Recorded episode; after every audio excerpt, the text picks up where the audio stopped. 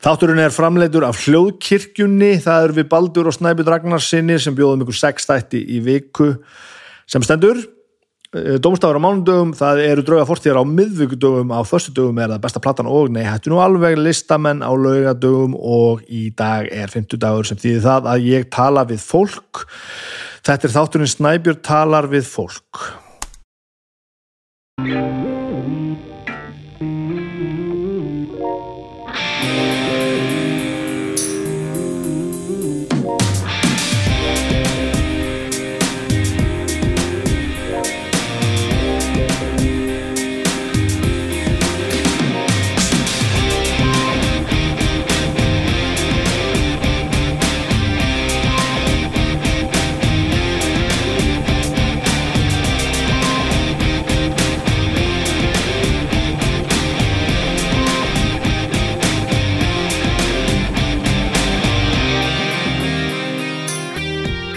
Komið sæl, velkomin í þáttin minn. Snæbjörn talar við fólk. Ár komið af hljóðkirkjunni. Ár og agalega margir þættir. Mest voru þeir áttan og hverju tveir kominir frí þannig að það eru sex þættir eins og áður segir í viku. Reyndar stundum meira þá geta nefna það, já við náttúrulega erum e, við bræðum skellum okkur oft í hljóðfarahúsið eins og í mánuði cirka erum við með heimsókn í hot hljóðfarahúsin sem er Eh, samstagsverkefni hljóðkirkjunar og hljóðfarásins þar sem að ég tala í beinni hljóð og mynd við tónlistarfólk. Og eh, þriðdæni síðustu viku þá fór ég og talaði við Magnús Jóhann Ragnarsson sem er uh, ungur píjónleikari mid-twenties mid píjónleikar og tónskáld og er svona sputnik um, producent og svona stúdiódýr og spilar með Eh, bara held ég líka við að segja bara nánast bara öllum stærstu tónlistar eh, öllu stærsta tónlistarfólkinu af yngri kynslunni og reyndar mörgum og eldri líka. Svona, hann er með í öllu einhvern veginn. Og já, svona ofbúslega fær piano og hljómbúsleikari og við áttum langt spjall og svo spilaði hann einhverja algjörg aldra hann á, á, á dótið sitt. Þetta var allt í benni á, á Facebook síðu hljófærahúsins og þið getið farið þanga og sé þetta þar Þannig að 6 þættir pluss hot hljófarhúsins, það er málið eins og stendur núna eftir þetta ár komið að hljókirkjunni. Ég segja alveg hygglust, þetta er bara pínum mælstóna, það er gaman að, að ná einhverju svona, þó þetta séu voða huglegt, eitt ár og ekki eitt ár, hvað á maður að segja. Uh, en það, við settum út pínum posta á, mediunni og, og, og báðum fólk aðeins um að klappa okkur á bakið og ég til dæmis bara fólk kom að nefna sín upp á viðtöl og það komu ótrúlega ótrúlega mörg viðtöl nefnd. Og ég einhvern veginn svona aðeins staldraði við og horfið, tilbaka og svona rivjaði upp með sjálfum mér bara öll þessi viðtöl og fór svona svolítið í gegnum þetta. Margt sem að ég, svo sem segi ekki maður sem ég er búin að gleima en svona gaman að rivja betur upp. Þannig að þetta er búin að vera ógeðslega gaman ógeðslega gaman og gott að vera komin hingað og svo höldum við bara áfram. Við skulum bara halda áfram það er nú bara þannig. Og eh, eina höfuð ástæðanum eh, höfuð um, ástæðanum fyrir því að það er að halda þessu áfram eru náttúrulega samstafsæðilar hlugkirkjunar sem eru orðnir fjölmargir. Og með mér hér í snabbi talaði fólk. Ég get verið afskaplega þakkláttu fyrir það að Simin Pay er hér með mér á, á, á fullri fart. Simin Pay er app sem þið getur öll hlaðið niður og nota, nota með öllum, öllum greiðslukortum alveg frá því eh, hvað er í viðskiptum. Og þar kennir ímis að grasa ég noti þetta mikið til þess að leggja bílum mínum um allt það er svona, eh, svona, svona parking eh, element í appinu Simin Pay appinu. En á stóru frettunar eru það að einu sinni viku einmitt á 50 dögum byrjar ofur einhvern ofur tilbóð í appinu. Og það er hefðilegt fyrir hlustundur hljókirkjuna því stundum er þessu, er þessi tilbóð í takmarkuðu magni og þau byrja einmitt saman dag og hver þáttur snæpið tala við fólk kemur í lofti þannig að þið geti hlustað á mig bladra hér um leið þátturinn kemur út og farið og tryggt ykkur eh, tilbóðum hæl áður en að það verður og sent og akkurat í dag byrjar um, sumartilbóð á Galaxy Tab A7 4G spjaltölu um, og þetta er uh, stendur hér nýjasta tablan í tab A-seríunni. Um, uh, A7 einstaklega fallega og nett spjaltilva hendar vel við vinnu og ja, sem afþreyingu. Og þetta verður á suma tilbúið á meðan byrðir endast. Uh, sem dæmið um hvernig þetta virkar uh, lettkaupin, þetta er svona lettkaups tilbúið hjá Simonu Pei þið getið keft, keft vélina spjaltöluna til dæmis staggreitt á 35.994 í stað fyrir 59.990 og það munar nú heldur betur umina en nú er ég bara að rekna þetta fyrir mig sjálfan hérna. Þið getur keitt hérna 36.000 réttæp eða þá þið getur valið að, að, að borga 6.552 krónur á mánuði með léttköpum í 6 mánuði og borgið ekkert út og þá verður heildagreislan 39.313 sem er þá einhverjum, hvað við segja, 3500 kalli herri heldur en eða þau stakir þetta. Og þetta er náttúrulega gott að stakra hlutina til þess að fá, fá, fá afsláttinn en tökum satt með í reikningina ef, ef þið gerir þetta farið inn á tilbúið og kaupið þessa spjaltölvu á 6 mánuða lettköpstilbúðinu á 6 mánuðum þá borgið 39.300 í staði fyrir réttæfla 60.000 sem hún hefði kostað staggreitt án tilbúðsins þannig að þetta, þetta eru alvöru tilbúð sem að, sem að gagnast öllum og ég er nú bara eiginlega að horfa mér, ég veit ekki, mér, lýður svo að ég var að setja þessi tilbúð til höfus mér, þetta er annarkvæmt eitthvað sem að mér innan gæðsalaba alltaf vantar eða, eða langar óbúslega mikið til þess að til þess að, hérna, að kaupa mér Þannig að tjekkja því og fleira í appinu þið getið farið og fundið alls konar tilbúð þeim er búin að sapna saman inn í tilbúðsflipanum um, og þar er bara, eru vestlanir náttúrulega vestlan símans bara svo ég grípi nýri eitthvað uh, húsgagnahöllin og dorma og og verkvarasalan og ég veit ekki hvað og hvað og hvað. Og svo er veiting, veitingaflipi hérna líka. Og akkurat núna er ég að horfa á það að það er 10% afsláttur hjá Flatey er stutt frá mér sko þar geti farið inn og panta matgenum appið og fengi afslátt og þetta er allt ógíslega þægilegt og bara einhvern veginn. Eh, það er mjög öll að tala um þetta í ringi á fullu vegna þess að þetta svínu virkar og þetta er alveg bara eitthvað sem ég nota mjög mikið alla þessa fítusa. Harra við það. Simin Pei, takk fyrir að, að, að vera með, með mér í þessu og, og þið sem eru hlusta munið að það er þessu fólki að þakka að þið getur hlusta frýtt það er ekki flóknar heldur en það það er ekki flóknar heldur en það. Þetta var skemmtileg vika sko.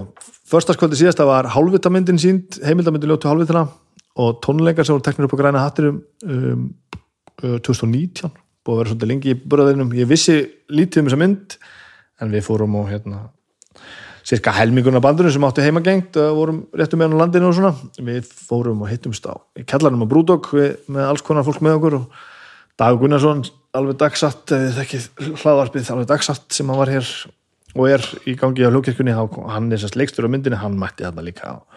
Við horfum á þetta, þetta var í tvekja tíma dagská, bæði myndin og tónleikarnir og þetta var bara, þetta var eiginlega fyrðulega mikið skemmtilegt.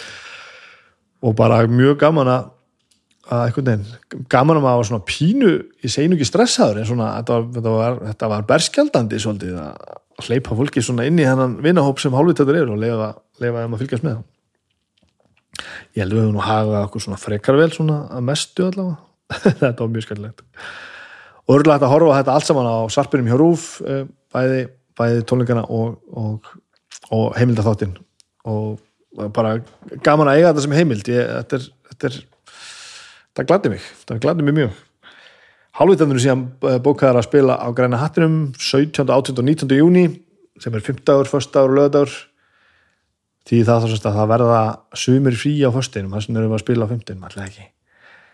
Og það sem gerðist í, í, í kjölfar þessa, þessi mynd og tónleikarnir voru sínd og það seldist eiginlega bara upp á þetta allt saman, það er uppselt á fyrsta lögdags tónleikarna alveg kæft uppselt. Eh, en eitthvað eftir að miða með þá 15 þannig að ef þið farið ef, ef þið eru snögg þá getið geti tryggt ykkur með þá. Og svo erum við að vona að við náum ekki að selja alveg fullansal þó að það sé nálætti vegna hérna, fjöldatakmarkana erum við vonað að rýmki enn meira fyrir tónleikana þannig að við náum að, að bæta við miðum í sölu en við getum náttúrulega ekki lofa neinu þegar kemur því. Þannig að þið viljið sjá okkur á græna hattinum um, 17. júni þá getið þið fara og tekka, tekka á því. Og og ja, og fagna með okkur hver, bara af lífinu og bara þessi gaman að vera til. Og við erum náttúrulega í ægilegu stuði sko. við erum það er, við náðum held ég að spila í COVID, í einhver COVID breyki hérna í fyrra eða eitthvað, það var það var hérna það er bara langt síðan og við, við erum bara helviti græðir að fara að gera meira. Þannig að þetta er bara búið að vera hansi busy sko, svo fór Agnes í, í, í reysastóra kórferð með hvernig konum köllu sem hún er búin að vera í frá upphafi. Þær fóru í heil, heil hennar djöfisins helgi eða eitthvað sem ég held svona með að við það sem ég sé á myndum og, og feirt á aðspilna hafi kannski verið svona 8% vinnuferð og 92% frí bara eins og þetta átt að vera. Og hún kom hérna alveg endur nærða á sál og, og minna endur nærða á líkamann tilbaka sem var mjög fallegt.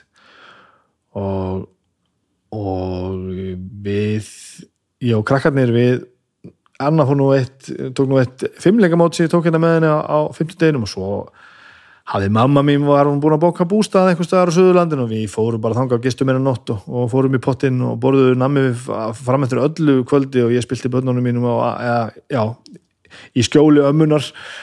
Ég, ég sett hana fyrir sem, sem lepp og, og, og let hann að taka skömmuna fyrir það og hann var spilt börnunum mínum. Þetta var mjög gaman að allir komið glæðir heim og fóru alveg grillaðir í leikskólan hérna að mándagsmorgunin það sem að óreglan var orðin heldur mikill en allir heilir og allir glæðir á hinum endanum. Þannig að þetta er hansi mikið fyrir eina viku. Það er best ég hægt að tala, þetta er alveg fáránlegt. Alveg fáránlegt. Eh, þið eru að fara að hlusta á, á mér tala við önnuhildi Hildibarastóttur sem er afar merkileg manneska og búin að gera afar, afar margt, búin að búa úti í London í, í, í mjög mörg ár umbóðskona uh, Bellatrix til dæmis hún er eina af, af frumkvölum úttón útflutnings hvað, hvað, fyrir hvað stendur þetta? Út, út, út, útflutningur tónlistar, ég veit ekki. Allavega sem sagt uh, vettfangur fyrir íslenskt tónlistarfólk að koma sínu á, á framfari í útlöndum sem er mikið bröðtrænda starf og maður fattar þegar maður horfur um, horfur um auksl hvað það hefur gert mikið fyrir okkur og svo eru náttúrulega framleiðandi og síðast en ekki síst leikstjóri myndarinnar um hatara júrósum myndarinnar. Ég held ekki að þið líka horta hana en þá á sarpinum, hún verður eitthvað held ég verður uh, verður þar eitthvað áfram ég, ég, ég fann hana þar í þremur hlutum. Ég held að það verið sínt þess að þrjú kvöldi röð. Ég sá þetta nú ekki í línulegri daska og þetta fylgji ég held ég yngri línulegri daska á lengur. En þetta er afar merkileg uh, mikilvæg og skemmtileg kona og, og, og við áttum ógeðslega skemmtileg spjall.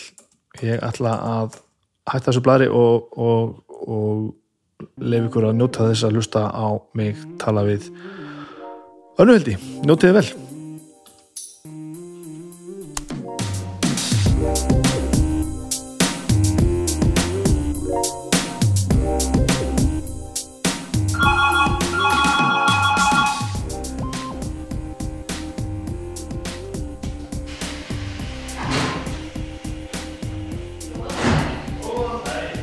ég er bara búin að setja í gang sko við, Já. við erum byrjuð sko.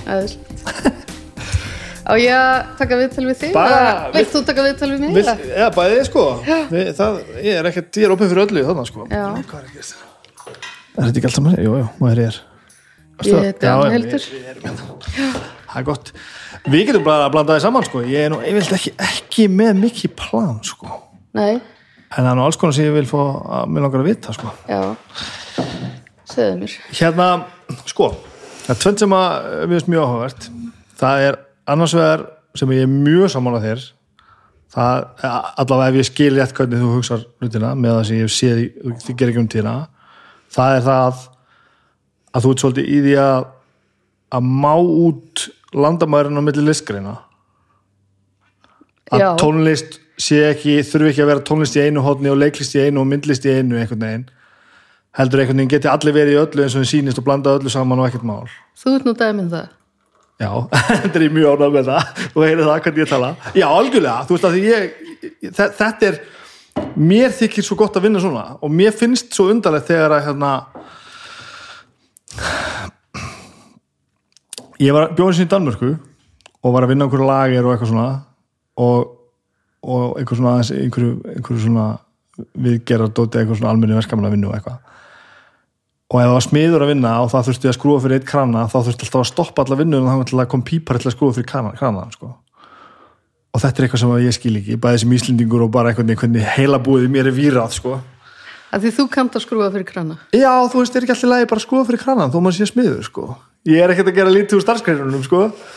en þetta, mér líður stundum eins og sumir séu svolítið fastur í að vera svona en ekki hins einn sko. já, já Við erum náttúrulega bara svo misjaflega sett saman. Sumum líður rosalega vel að vera í afmörkuðu bóksi og gera bara rosalega vel það sem þið gera innan þess bóks sem þið eru í.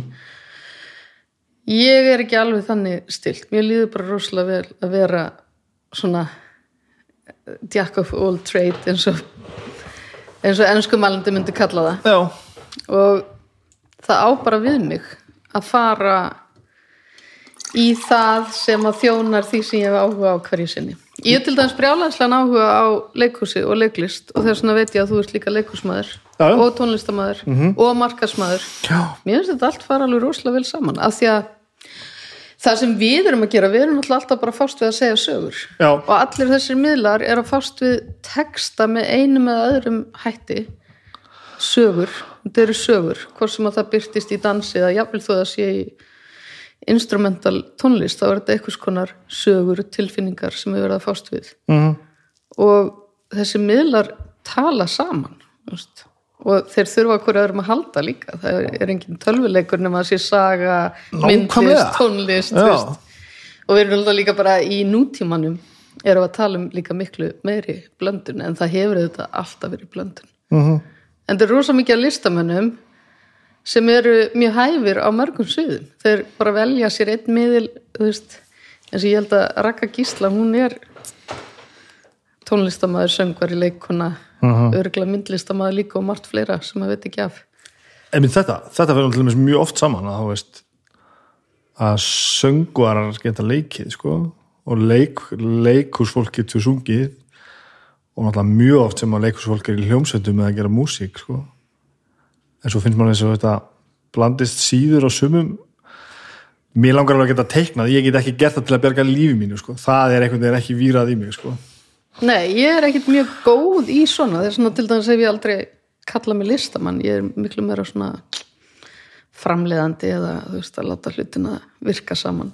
Þar komum við hinnu sem ég var að tala um sem að hérna, ég, mér hefur fundist þið fylgist með. Þér. Þú ert svolítið hérna í því að að taka þetta háflega lista afsakaðu kæftæði og setja þetta niður á einhvern, einhvern plattform sem þetta er að vinna með. Það sem þetta sé eitthvað, þú veist eitthvað sem þetta er að selja eða eitthvað atvinnum tengt eða eitthvað svoleiðis. Er ég, að- er er búið eitthvað til kannski? Nei, nei, ég menna þetta hefur alltaf verið svoleiðis, veist, það hefur alltaf verið viðskipti í kringum listir en kannski á einhverjum öldum þá voru það aðalega valdastjættin sem gætt keift listamenn eða borgað listamennum fyrir að gera list fyrir sig. Viðskipti hafa alltaf verið nátengt listum en það að framkalla list er ekki endilega viðskipti, þú veist, þetta er alveg tvær hlýðar á þessu sko. Já, já, já. en já, ég er bara daldil svona framleiðandi í, í mér. Ég er mikill svona dúer og það reyndi mjög mikið á mig að stíga inn í leikstjóra hlutverkið á myndinni sem að ég gerði með hatara til dæmis. Mm en þar ákvaði ég að láta vaða eftir áeggjan yfir framleiðanda minna sem eiga fyrirtæki með mér og sem eru vant kvikmyndagerða fólk og þau byggðust til að hjálpa mér að gera þetta. Og þá hugsa ég, já, ég get það kannski og þau hafa trú á mér. Það er líka, hefur ykkur trú á þér í því sem þú ert að gera? Þau, ég held að maður þurfi alltaf svona einhverja ég hef alltaf verið svo heppin að fá svo góða svona lærifeður með mér. Eins og þegar ég stegin í tónlistargeran ég var blaðamaður. Ég læriði íslensku og fór í kennsluréttindi. Gerði svo MA í útvarsvinnslu vann sem blaðamaður og fréttarittar í mörg ár. Og svo þegar ég stígin í tónlistageran þá er það því að Bellatrix byggja mig um að hjálpa sér. Og allt í hennu verður, það gengur svo vel og allt í hennu verður að vera ykkur umbúsmaður og þá fæ ég alveg frábæran læriföður sem bara er til í að vera alltaf á kantinum ef ég er með spurningar. Og þannig held ég þannig hefur mitt einhvern veginn mín innkoma alltaf gengið, ég hef alltaf fengið svo stórkostlega lærifjöður í allt sem ég hef stíðið inn í. Það hefur gefið mér sjálfströst til að gera svona margt ólíkt. Snýst það ekki líka bara um að leifa fólki að að leifra sér? Þykast ekki alltaf að vita allt Jú, jú, eða bara samþykja að maður þarf Já. leðsögn og leðsögn getur verið alls konar. Við förum í háskóla til að læra eða í skóla til að læra og þar fáum við svona tengslanett og það getur verið leiðin manns inn í einhvað í mínu tilviki er ég orðið mjög gömul því að ákveða stíðin í kvikmyndageran til dæmis. Þannig að ég þurfti bara að finna mér að læri mæður í þessu tilviki. Hafa allt verið konur sem hafa leiðbund mér í þessu. Og, og þannig að ég komist með fótinn inn og fengi sjálfströst til að gera eitthvað sem ég langaði að gera. Hva, þú veist, hvað er það sem á, er meira ógnandi við að leikstýra heldur en að framlega ég sé Sko- nú ekki stundum, stundum sé nú alltaf munin á þessu tvennu sko. jú, auðvitað, en þetta skarast nú samt vísna mikið, vantalega Já, ég hafði bara svo mikla minnumátt að gagvar því að ég kunni ekki ég hafði ekki orðaforðan til að segja, þú veist, þú þarfst að læra alls konar svona tæknilega orð þegar þú ert að byggja starfsfólkið sem þú ræði með þér til að gera eitthvað. Já, já, já, og ég hafði ekki alveg orðaforðan í það og einhvern veginn fannst mér að ég þyrfti að vita nákvæmlega hvernig hver rammi ætti að vera skotin. En svo kendu yfirframlegundin mínir mér það að tökustjórin hann væri sá sem að væri svo mikilvægur af því að hann kynni að finna bestu rammana já, já. Þannig að ég lærði svona ímislegt í þessu en já, þetta var bara, ég, mér fannst ég ekki hafa bakgrunnin til að fara að stýra eitthvað svona sko. Ég hef bakgrunnin til að framlega því ég kann að tengja saman fólk og finna fjármagn og ég skil svona Excel-skjöl og sliðs. en ég hafði bara einhvern veginn aldrei ímyndað mér að ég væri leikstjóri en ég lærði það í þessu ferli að leikstjóri hefur, hann er aldrei svona líka framkvæmda stjóri hann, þú veist, raðar ákveðin hlutum já saman. þetta skarast aðeins Já. en það var mjög áhugavert að vera sko fram, uh, sérst, framleiðandi og leikstjóri því leikstjórin þarf vanlega að tala við framleiðarna Já. og byggðum leifi til að það var ég að tala við mig bara svona Já. staðar. það var oft þannig hefur það ekki kost á galla meina, er ekki, ekki ágætt að hafa svona uttarakomandi rættir til þess að segja Jú, jú, ég hafði náttúrulega yfir framleiðundina mína til þess að vera utan að koma til rættir þau eru þau eru náttúrulega þaulvön og gallhörð þannig að þau gáða mér líka góðan svona ramma til að vinna í. Við erum búin að tala um nokkar leikstjóra síðan ég byrjaði á þessu spjallmáli allir saman. Og ég er alveg búin að koma að staði að, að hérna, ég held að viti engin almennilega hvernig þetta jobb á að vera sem er gott sko. Ég held að að gera þetta engin sko nála til eins eða engin, jú, það eru örgulega einhver aðferðir. En mér finnst, þess að þeir talaði fólk sko að það sé ofbóðslega ólíkt hvernig fólk nálgast það leikstjóra sko. Já, það er bara örgulega mjög persónubundið. Talaði um sem leik, leikstjóra séu góðir leikara leikstjóri, ég náttúrulega er að leika ég er að, það í þessu tilviki að ég leikstýri þessari mynd um hattaragjörningin að þá er ég að gera heimildamynd sem er allt öðruvísi heldur en að gera leikið efni. Já, þetta af því þarna var ég ekki með ég var ekki með forskrifað handrit. Maður gerir handrit í rauninni eftir á þegar maður veit hverju maður er búin að ná sko. Baldvin Seta, hann sagði mér að, ég held að hann hef gert eina heimildamynd hann sagði að það var erfið sem hann hafði gert og hann ætla hann aldrei að gera Já. það, það, væri, það væri bara á öðru leveli sko. já. Það er glettilega flókið því ég læriði ótrúlega mikið á þessu ferli. En ég var búin að gera sjónvarsþætti sem svona heimildaskotin. Það framleiti ég. Margrét sem að leikstýrði því með mér. Ég var búin að átta mig á ímsu sem er gott að hafa mjög skipulega gert. Var það hérna eh, trúnó fyrir Já, símana svona viðtöl við tónlistamenn. Var það ekki hérna sem voru fyrst fjóra konur og svo fjóri Jú, já. já, ég horfði það held ég allt saman í flugvél einhvern tíman, já, bara held ég í bunu bara, Já. það var mjög skemmtilegt. Já, ég frétti það hjá mörgum en þeim fannst það alveg svona perfekt sjón eða hérna flugvila efni á, alveg einhvern veginn. Það- en hvernig þú veist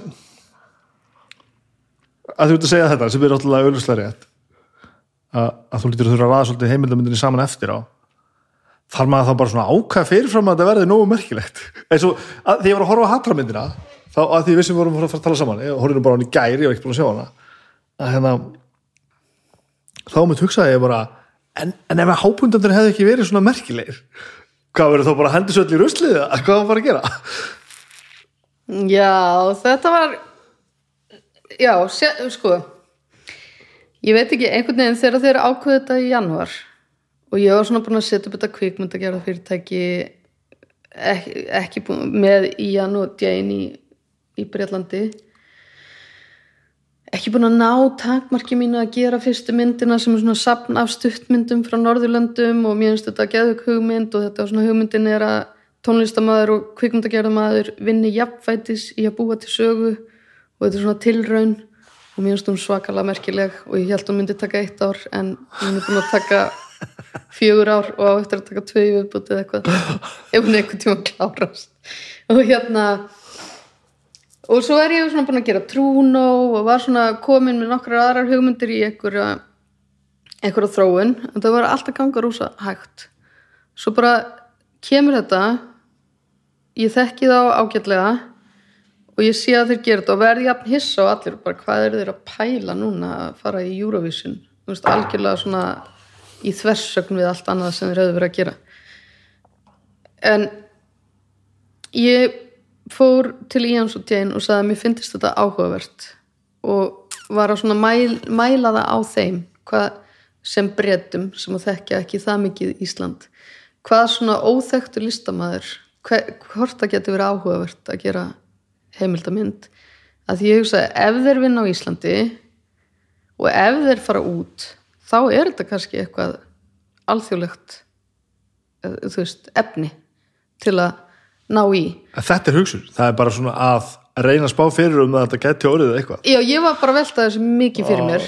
Svo settist við í tvær vinnusmiður og skoðum þetta og fórum að skoða alls konar referensa og ég var mikið að pæli læbakka á þessum tíma líka að ég hitt þá á einhverju Hefur hitt læbakk? Já. Býtu nú alveg við. Ég bara eh, lendi í ýmsu.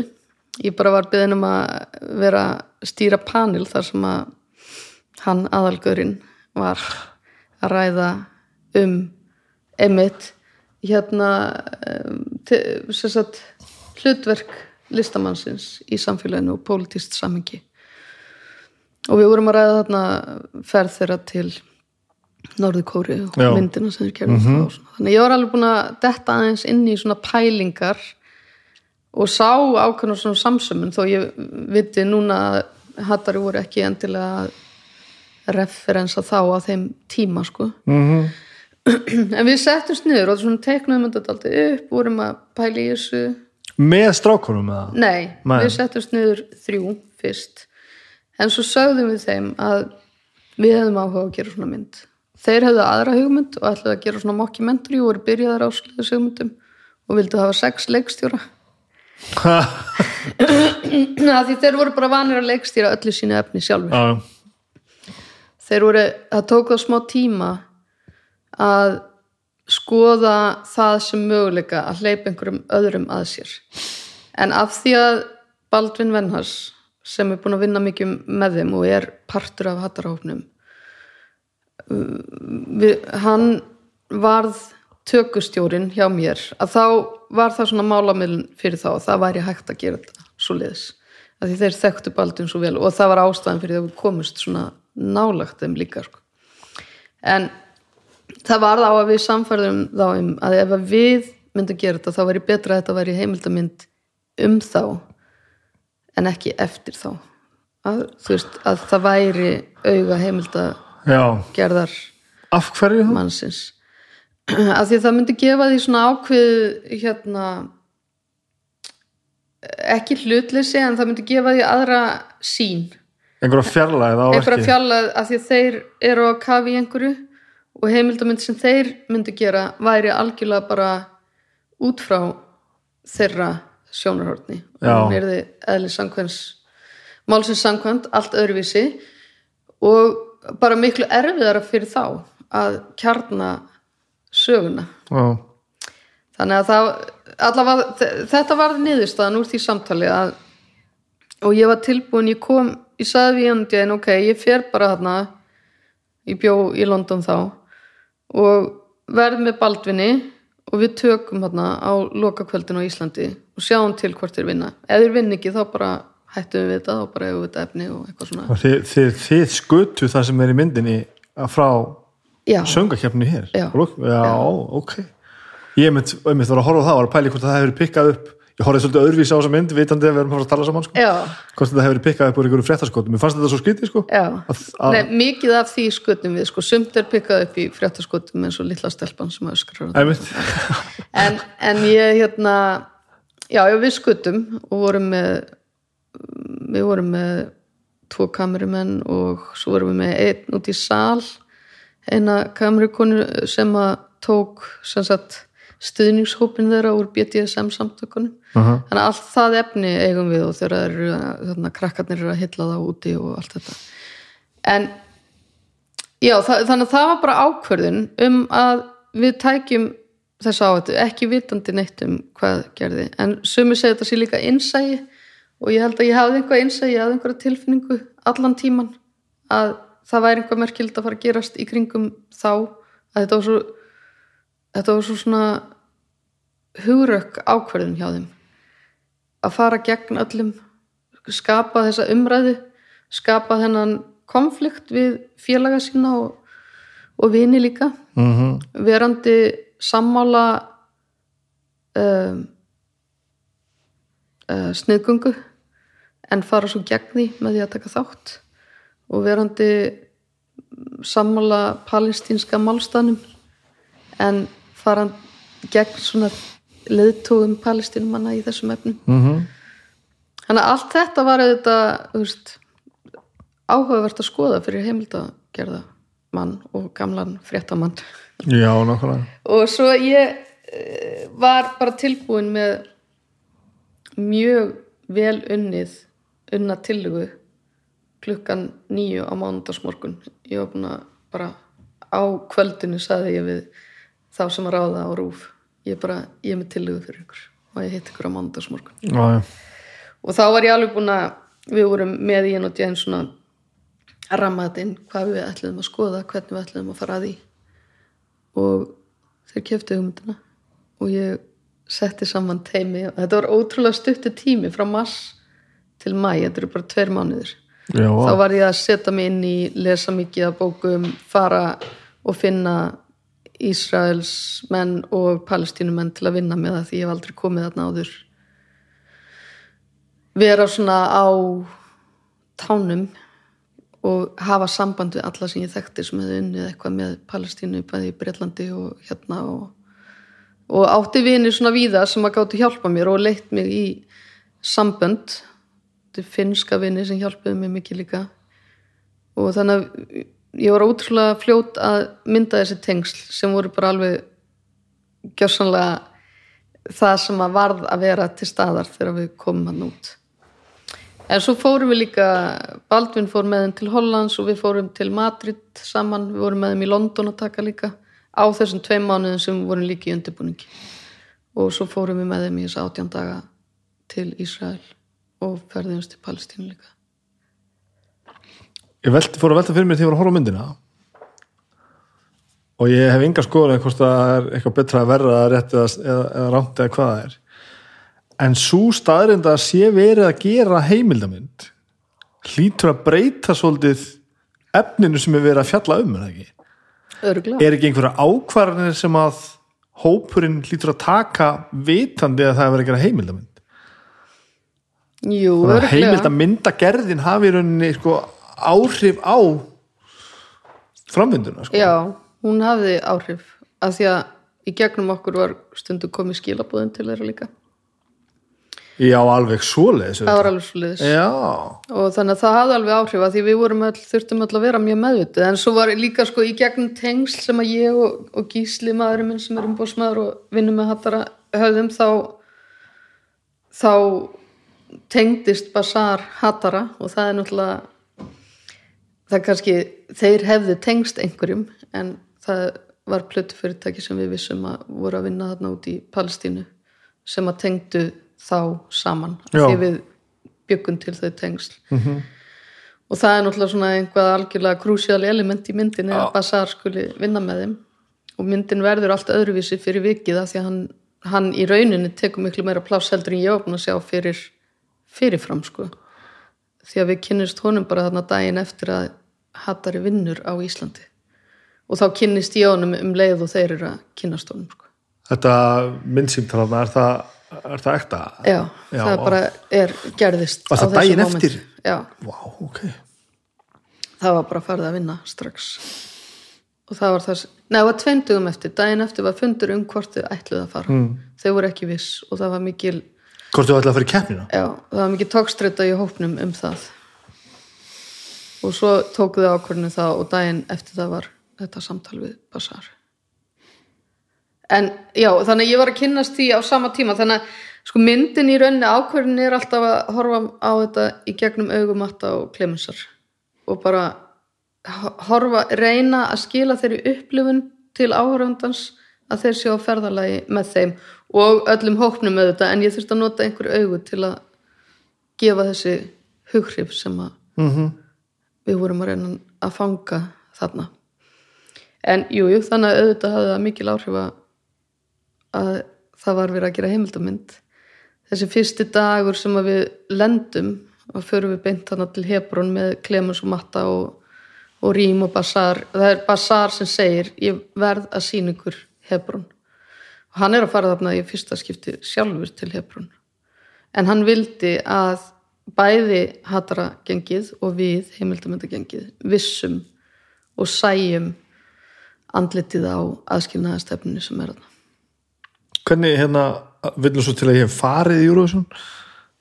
Þá var- hún bara, bara í kaupanöfn að hérna hvernig gekk að finna tíma til að gera þetta eins og ég man eftir mi- minni ferð sko, sem ég var bara einhver einhver, einhver bakrættasöngvar í, í aukarlutverki það voru allir dagar pakkaður af einhverju, einhverju brjálæði sko og eins og þessi mynd kemur fyrir þá, þá er þetta eins og þeir eru bara að endrast á einhverjum ferðarlögum að hitta hinn og þess og brasa og gera sleftuðu bara einhverju af þessu sem að venjulega Eurovision gengi gerir? Nei, hattari gerði allt sem að þeir áttu að gera. sváðu þeir bara ekkert þá Sváfu lítið og við öll sváum lítið en uh, þetta var bara svo mikilvægt. Allt sem að þurft að gera var svo mikilvægt og þeir voru náttúrulega búinir að gefa það út að þeir voru þarna í Eurovision út af ákveðnum málstað sem þeir vildu vekja aðtikla mm -hmm. og þeirra hérna ég held, uh, sko við gerðum okkur náttúrulega ekki grein fyrir hvað þetta yrði crazy og þeir komu og þau öll þau eru að blandaður hópur þau, þau voru öll mjög þreytt þau komu til Ísrael. Af því það er bara gengið svo mikið á hérna heima það var mjög margt sem að þau þurftu að svara fyrir, standa skil á taka ákvarðanir um það var bara daginn áður um að farið var verið að spá í hvort það ætti að sleppa því að fara í flugið eða vera með einhverja yfirlýsingu þegar þau myndu lenda. Þau, þetta var mjög lifandi gjörningur þannig að maður vissi aldrei líka sem heimildagerðamaður hverju maður átti vona þó ég væri mjög nálægt þeim þarna Mhm. að þá voru maður alltaf að lesa í aðstæður. En já þau, sko það var allt sem að þeir átt að gera gerðu þeir og þeir voru oft inn í höll þegar ég var að, að keira einhverstar annar staðar. Já, og náttúrulega þú sér kannski líka að í einni heimsók til að malla eru það búningahönnuðinni sem eru með mér. Já, og í einni heimsók þannig yfir landamæri eru það Iceland Music News fólkið sem eru með mér. Þannig að ég var líka stundum að, að ferðast með já einhverjum svona utanaliggjandi. Já, maður kannski upplifir það ekki eins og myndurinn klift að sé ekki allir á ferð. Nei, einmitt. Ú, movie magic. Það er movie magic En það er líka sko af því að hópurinn var alltaf mjög meðvitaður um þetta og það var bara verið að reyna að ná því sem það þurfti að ná. Það þurfti að fara í þess að ferð til Ramallah eftir að pappans Bassars varaði hatara við að sonur hans var í hættu. Og hann ætti þá hættu að verða útskúfaður úr palestinsku samfélagi út af þessu samstarfi við þá. Mm og það var við vorum að fara í þetta stúdíó til að fylgjast með þeim klára lægið og svona gera high five að því að þeir væri svo duglegir að klára eitt lag og eitt kemur þá og þetta svona. spjall það sem að Og þá er bara segir pabbi þeirra úr mynd þarna að fyrir þarna og vill ekki vera í mynd en, Mhm. en við máttum taka hljóðið og það var mjög stert sko þá fær maður að fatta hvað þetta Já, og þá er sem sagt í framhald af þessu segir hann að þú veist við einn maður gerir ekki neitt. En saman getur fólk verið stert ef að fjöldi fólk skilur hvað þið eru að reyna að ná fram. Og það hefði allir svona smátt og smátt trúaðum að það þurfti að tala við mjög marga einstaklinga til þess að passa upp á að Basar er ekki einn eftir þegar að Hattari færi heim. Og þannig er hattara, hattari tekur ákvörðunum og þeir vilja hann er vinur þeirra, þeir vilja venda hann en heimildamyndin auðvitað er þarna líka og verður að passa upp á að við séum að ná sögunni eins og hún er að þróast. Það var rosalega ofbóðslega stert moment í myndinni þegar að þið segja sko en það, veist, með allt þetta stóra mál í gangi en svo segir einhver bara en það er þið galið að verða til þess að hann er þið útskúfaður þá er þetta allt í hennu komið að sko tekið úr þessum svona stóra stóra samingja sem er svona mikið undir og bara aðskilnaða stefna og, og heilu þjóðirna sko niður og bara lefilega allt í hennu bara en ef við gerum þetta þá er bara vinur okkar sem við svo sem kynntust ekki fyrir löngu síðan en maður sem okkur þykir mjög væntum að skipti miklu máli þá erum við, þá erum við bara að rústa lífan sko.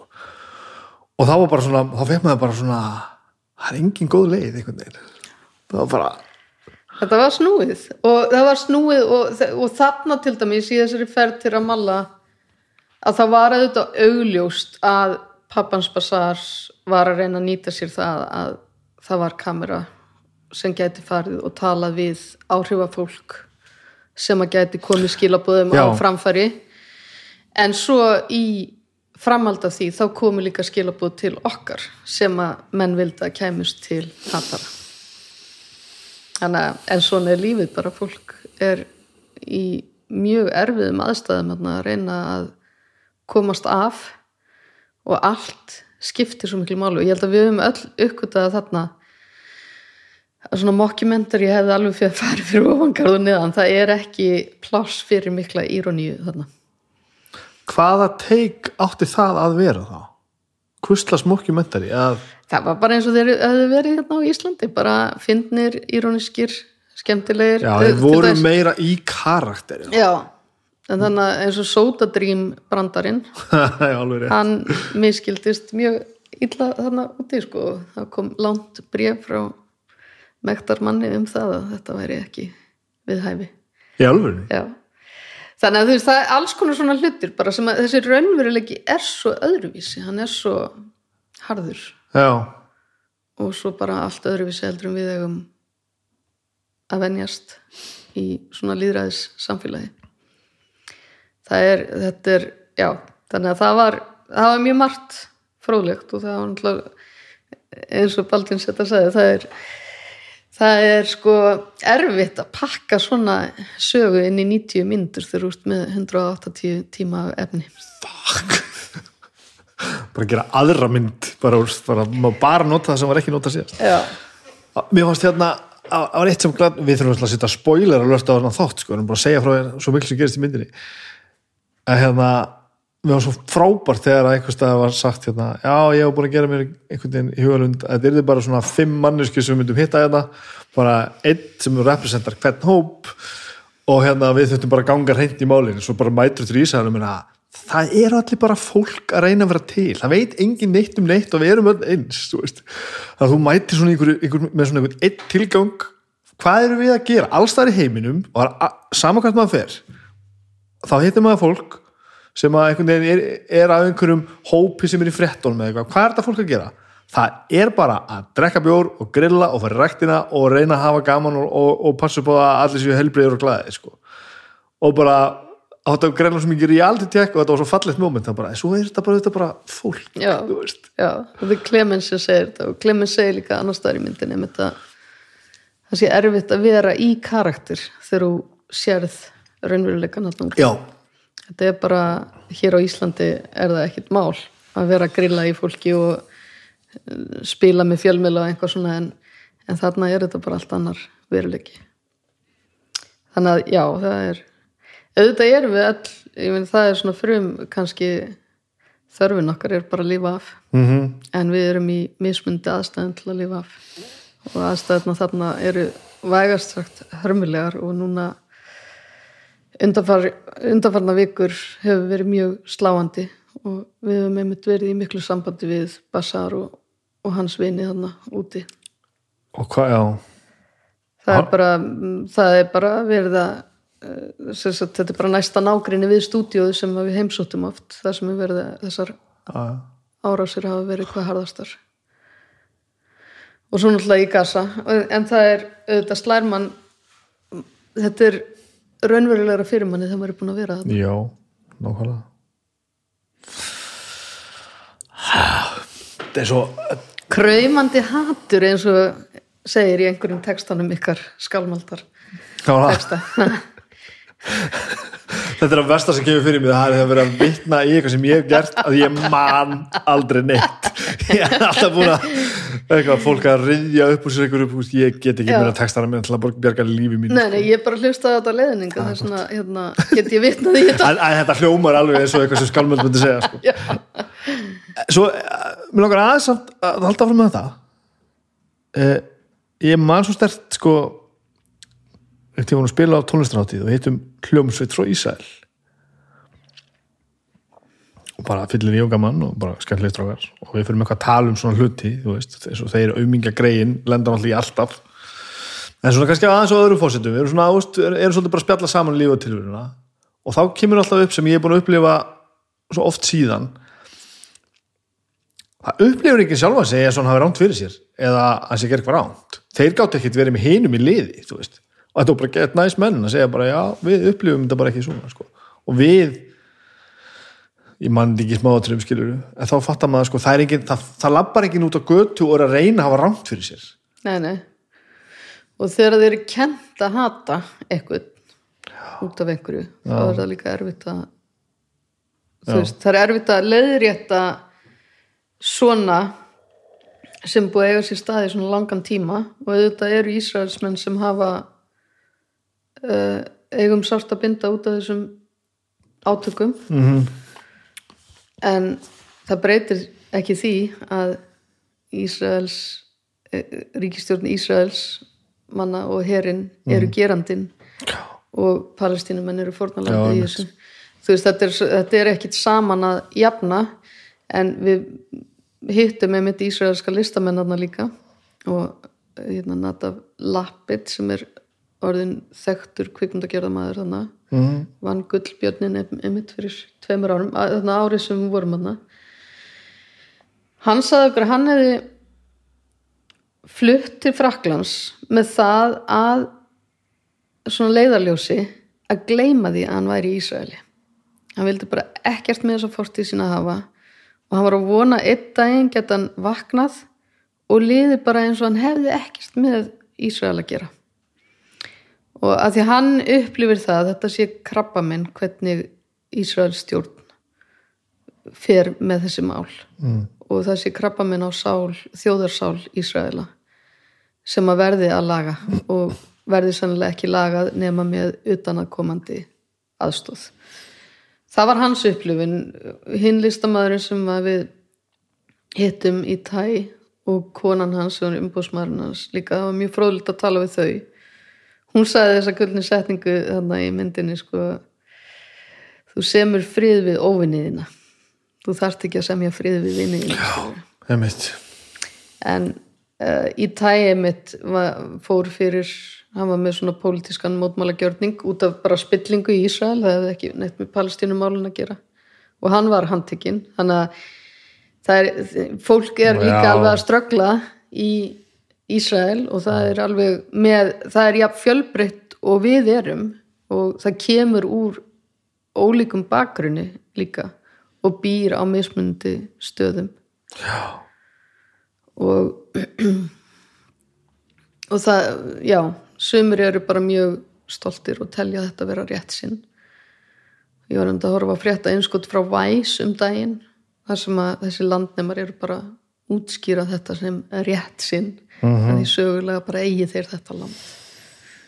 Og þeir geti bara vitnað í heimsbókmyndirnar Já, og svo er þetta með sko, það er allir með, rök sko í allar áttir Hvernig var hérna þegar þú veist, þegar stóra stóra sprengjan þe- þegar þið dróðu upp fánana veist, þegar, þið-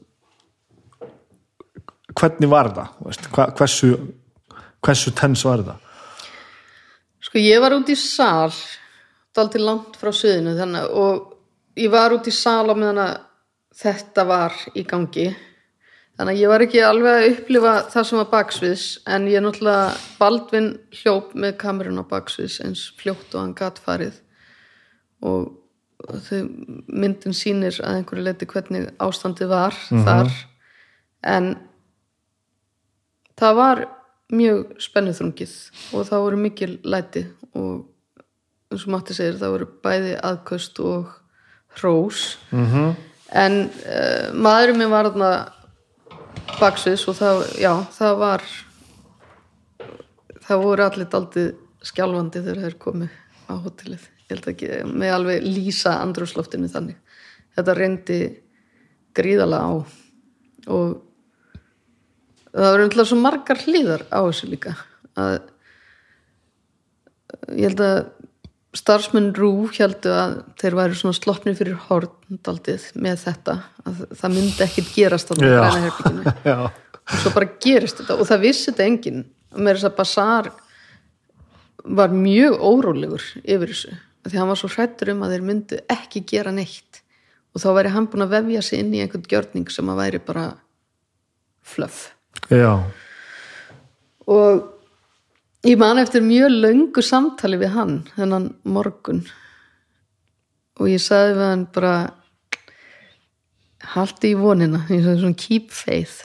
Og vissir þú hvað var að fara að gerast? Nei, ég vissi það ekki. En, en ég sagði við hana þú veist, við vissum það náttúrulega að við höfum farið þarna og retta þessum leikfanga fánum og svona. Að, að hérna þau tóku þetta með sér í höllina en það voru alveg delda meiningar um það innan hópsins hvort að þetta gerir þetta ekki fram á síðustu stundu. Þannig að þau voru með þetta sem einhvers konar plan en það vissi engin hvernig það myndi framkallast. Og svo gerist þetta og þetta er svona bara einhvað voða lítið moment og einhverjar, ég menn ekki, þú veist þetta er kannski tvær, þrjá sekundur á skjánum. En ég var að tala við Bassar í gær, hann var um að segja sko, þetta skiptir samt svo ótrúlega miklu máli að þeir skildu gera þetta. Já, og meiri þess að núna á Eurovision helginni þá er ennþá verið að deila þessari mynd til Já, að minna á fyrir hvað þetta stendur. Og hann sagði það skiptir líka máli að þetta lifir þetta moment. Það, er, það, það var lítið og stutt en það lifir áfram í þessari baráttu sem að stendur yfir fyrir frjálsri Palestínu og fyrir mannréttindum þar. Ég held að það er allavega fyrir Bassar og þá sem tók þátt í þessu Palestínum megin þakklátt að þeir hafi það -hmm. til að manifesta að þeir gerði þetta út af einhverju sem skipti máli.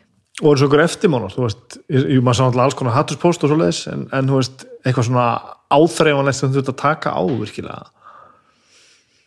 Nei, ég mig minnir að Rúf náttúrulega tók á því það kom einhver sekt á endanum fyrir þetta til Rúf en Rúf voru mjög svona, tóku mjög vel utan um þau eftir að þetta var búið að gerast og voru svona tiltölulega fljótur þetta voru áfall þegar þetta gerðist og ég held að Felix Bergson sem var liðstjóraðna hafi verið mjög mikið á milli steins og sleggju. Þetta var erfitt hlutverk fyrir hann að vera í þetta er svona, já, ég held að það hafi bara verið örgla mjög erfitt oft. En þeir voru mjög fljótur að senda frá sér yfirlýskar um að þeir stæðu á bakvið þau. Og ég held að það hafi verið mjög þakklátt þegar það barst svona nógu snemma í þessu ferli þegar þau eru alltaf að koma niður eftir þetta.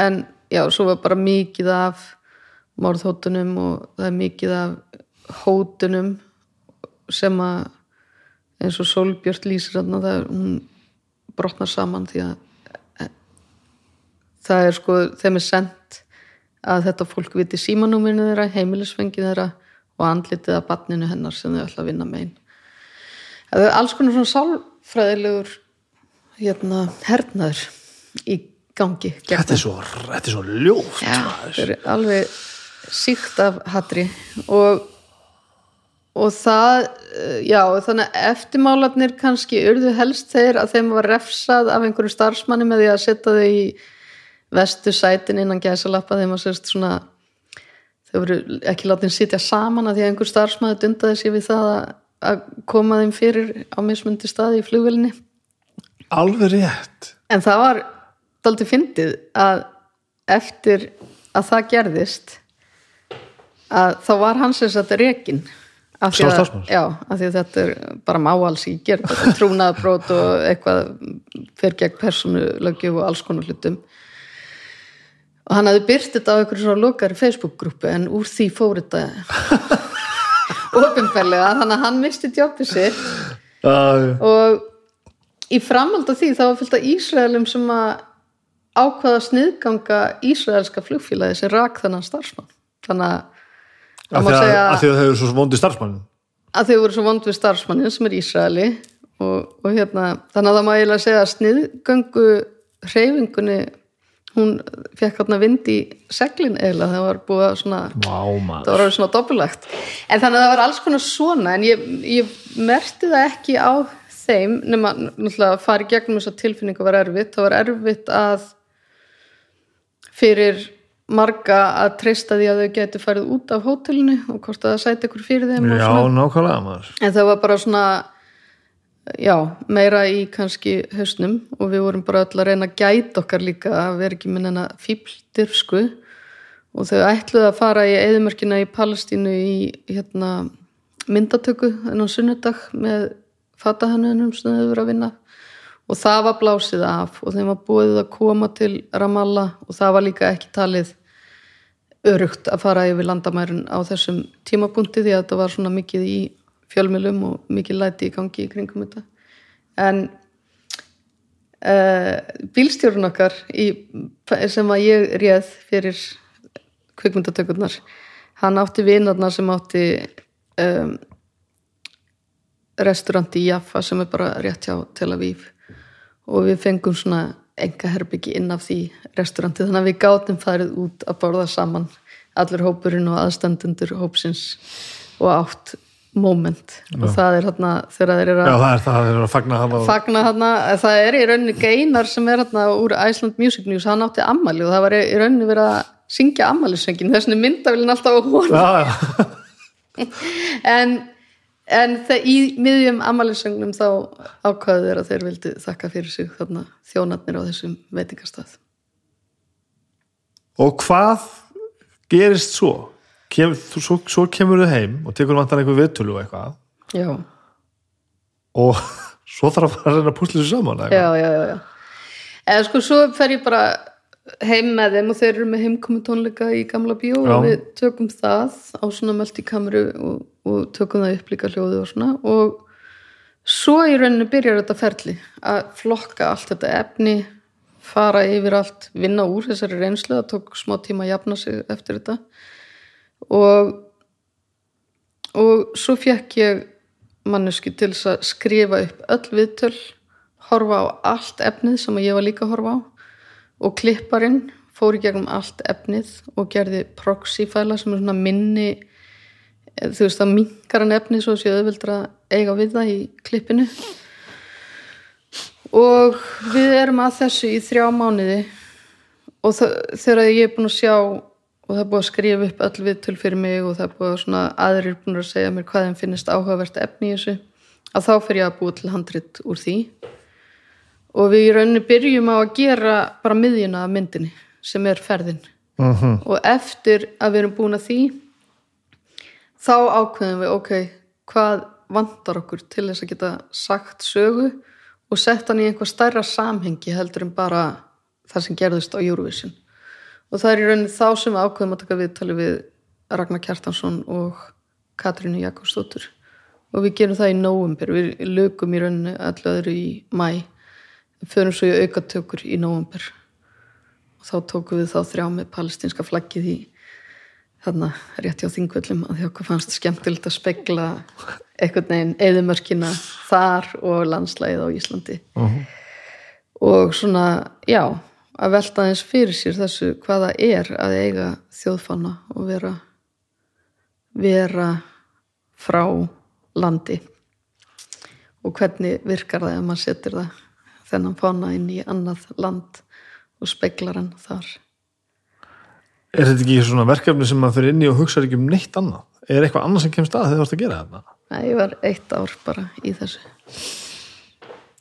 ég hugsaði nánast ekki um neitt annað ég kendi, kendi eitt námskið á Bifröst þetta ár en þar fyrir utan komst ekkert annað að og ég var plöguð að efasendum um að ég næði mark með þetta verkefni. Af því að ég bara, mér fannst ég ekki einhvern veginn vera nógu góð til að geta þetta. Og ég man bara rétt fyrir jólin 2019 þá var ég bara alveg að brotna saman. Ég var alveg, ég sá ekki fyrir mér að ég myndi nokkuð tíman ná í mark með þetta. Og ég var með deadline 10. janúar átti ég að sína klipp af myndinni og þá var líka komin einhver áhigi frá kvikmyndaháttíðum sem að þú veist, við þurftum að ná einhverju svona tímalínu fyrir þær. Og ég var eh, öll þessi jól bara hugsa ég hef aldrei eftir að ná þessu ég var með magapinnu og kökkin í hálsinum oft. En við sátum í þrjá mánuði í stúdíónu ég og klipparinn frá klukka nýju til sjö okkur í minnasta degi, virkum degi og ofta lögatum líka og við náðum þessu og svo þegar við rendum í gegnum 10. januar í fyrra og þá fann ég, heyrði, þetta er að verða mynd það var góð tilvinning og hvað er, er þetta komið langt? Hvað breytist mikið síðan þá?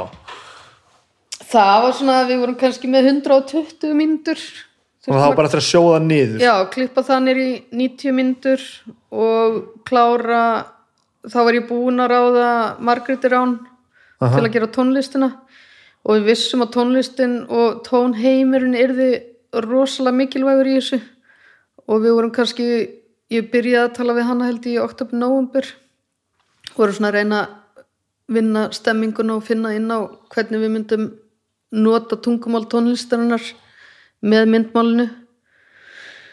Og íta undir tilfinningarnar sem að komu bara svona eins og sena í Hebrun þú veist, maður getur sínt hana myndmálið en þegar tónlistin kemur þá skinjar fólk það sem við vorum að upplifa. Og það var ótrúlega skemmtilegur tími. Og svo vorum við svona fram til loka februar að klára og fínpúsa og ganga frá og fá leifi til að nota klippunar úr CNN og ITV og öllu þessu stóra dóti sem við notuðum líka og búa til samninga fyrir það. Og svo í, í því ferli var ég byrjuð að vinna í eftirvinnslunni með fyrirtæki sem heitir Trickshot hérna á Íslandi. Mhm. og svo taka þeir sérst við og, og klára alveg litagreininguna og hljóðblöndununa samsetninguna þá í rauninni þessi litli fælar þá þarf að fara aftur og ná í stóru, þungu Já. myndfælana og setja þetta saman í loka produkt og einhvern tíman á þessu tímabili voru við líka í samningaviðræðum við Level K sem er út, eða sérst dreifingafyrirtæki okkar og sölufyrirtæki okkar í Danmarku að því að við, já, það átti sérst að frumsýna myndina á Copenhagen Docks í fyrra bara þarna 20. og eitthvað mars. Og ég kem heim til Englands frá Íslandi og bara skil ekkit hvað Íslandikar eru orðin einhvað æstir yfir þessu COVID. Hvað þér að þetta sé eitthvað einhver, þér að þetta sé eitthvað drepsótt eða eitthvað skildi ekkit þessi læti. Og svo bara allt í hennu rétt fyrir frumsýningu og all fjölskyldan búin að undirbúa sig að fara á þetta átt að vera rosa gert með elegans. Mm. já, frumsýna í fyrsta skipti. Og kannski eina skiptið mér leið þá. Ég var aldrei eftir að gera neitt svona aftur. Þetta tók svo mikið á. Það er hérna þá bara loka landamærin í Danmörku. Og þannig að ég dró myndina tilbaka af því að ég, það var bara þetta var búið að vera svo mikið álag líka og ég gæti ekki alveg hugsað hvað er að gerast, hvernig gerum við þetta þá? Og mér langaði svo að sína hann í bíó að því hún er gerð fyrir bíó, hún er gerð fyrir breyðtjald þannig að mér finnst einhverju glata að fara hann inn á tölvuskjá hjá öllum. Mhm. en ég leiði henni að vera áfram á svona svo kallu markaði þar sem að fólk gæti síðan og í því gerum við hann samningu í level K sem að sjá núna um að drefinni Já, Já, en svo náttúrulega varð bara COVID og drepsott og allar allar kveikmyndaháttir fóru í stafrænt form og þannig að myndin hefur sjaldan verið sínd í bíó. Hún hefur verið sínd í bíó hérna á Íslandi. Og ég fór til að heims frumsýnana í Varsjá á svona stóri kveikmyndaháttir þar. Og þar fekk ég COVID. Það er fyrstu COVID Til hamingi með það. Takk fyrir. En það var sem sagt, hérna, ég var búin að taka það ákverðin að ég myndi bara fara til Íslands og ekki gera neitt annað. Svo braut ég það prinsip hann með að því mér langaði svo vera við einu heims frumsýninguna sem ég myndi kannski geta verið við í, á minni æfi og það endaði í COVID. En það var að, ég varði ekki mjög veik þannig að ég var heppin, sko. En varstu veik? Ég fekk COVID en ég var ekki, nei, Já. ég var ekki mikið veik. Ég var Nei. mjög heppin.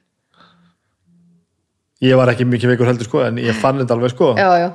Ég var svona astnalega veikur einhvern veginn Mm. Fikk einhverja verki sem ég hef ekki fundið aður Já, þetta er mjög skrítið en þetta, sko, erfiðast var þegar aðri voru að smittast sem að ræðu umgengist. Já, og líka, hérna þessi einangrun fór illa í mig. Ég tók þetta svo snemma sko að það vissi ekki hvað það var. Nei, þannig að þú þurftir ekki vera í Nei, við með sér hringdu bara ef við koma eitthvað í eitthvað tjekk. Nei, verðið bara heima. Já, Það var bara þannig. Svo viku setna bara heldur við einhvers að koma í eitthvað tjekk Já, þú veist, nei, þeir eru bara búin þannig að það er ekkert við það að gera. Já, Þannig að já, þetta var bara, já, ok, nú er þetta engin neitt nú erum við bara að gera já, eitthvað sko. já, já, já. En ég, sko við fengum þetta í oktober ég og maður minn. Og byggum þá hjá vinkun okkar hérna því við hefum verið svona á milli Bretlands og Íslands í daldinn tíma. Já, varstu hér? Já, Já, ok. Og hérna ég drífi mig bara upp á sóttvarnarheimili þegar þessi niðurstað kom í gjörsanlega óvart því að hún er á nýjönda degi eftir ég kem heim ég er búin að fara í gegnum tvö pró búin að vera í einangrun upp í sömarbústað upp á Holmsheiði alveg langt í burtu frá öllum og þannig að kom mér algjörlega óvart að þetta geti verið málið okay. En já, ég sérst er þarna greinist, dríf mig upp á sóttvarnar hótel á Rauðarustignum og lappa þar inn í herbyggju og það sagt og nú verður þú hér að bara eftir 12 eða 14 daga. Ég er svona að horfa á þetta lilla herbyggju og segja, já, þetta er svona smá tilfinningar svo að fara í fangelsi. Já, En svo er sérst, þau eru beðin vinkunum mín og, og maðurinn minn um að fara bara upp á spítala í test af því að ég er náttúrulega búin að eiga samskipti við þau og um kvöldið er maðurinn búin, búin að redda íbúð og koma sér út til að reyna að venda vinkun okkar sem að tók svo ekki að endanum en hann ringir í mig og segir viltu vera með mig? þannig að við allavega vorum tvö saman í þessu það var ekki eins romantísku. COVID, COVID-ferð eitthvað. þetta, þetta hverfur sent úr minni okkar þessi tími en við aukvöldum að við eigum ágættis samband við þóldum hvort annað í gegnum þetta Ágætt að fara svona stimpil á já, það já, já, já, já. Hérna, nú þurfum við þarf ég að vita hvað, hvað þú kemur sko. Og hvað þú hefur gert. Af því að ég veit þú ert búin að vera mikið að heiman já, og alls konar. Já. Við erum bara, ég ætla bara að fá mér meira kaffi og þú mátt bara viltu bara fara alveg í ég fættist á Akureyri. Frábært byrjum þar. Fættist á Akuri? já. Mamma og pappi voru að vinna þar áttu heima þar um tíma. En þau ekki það með það?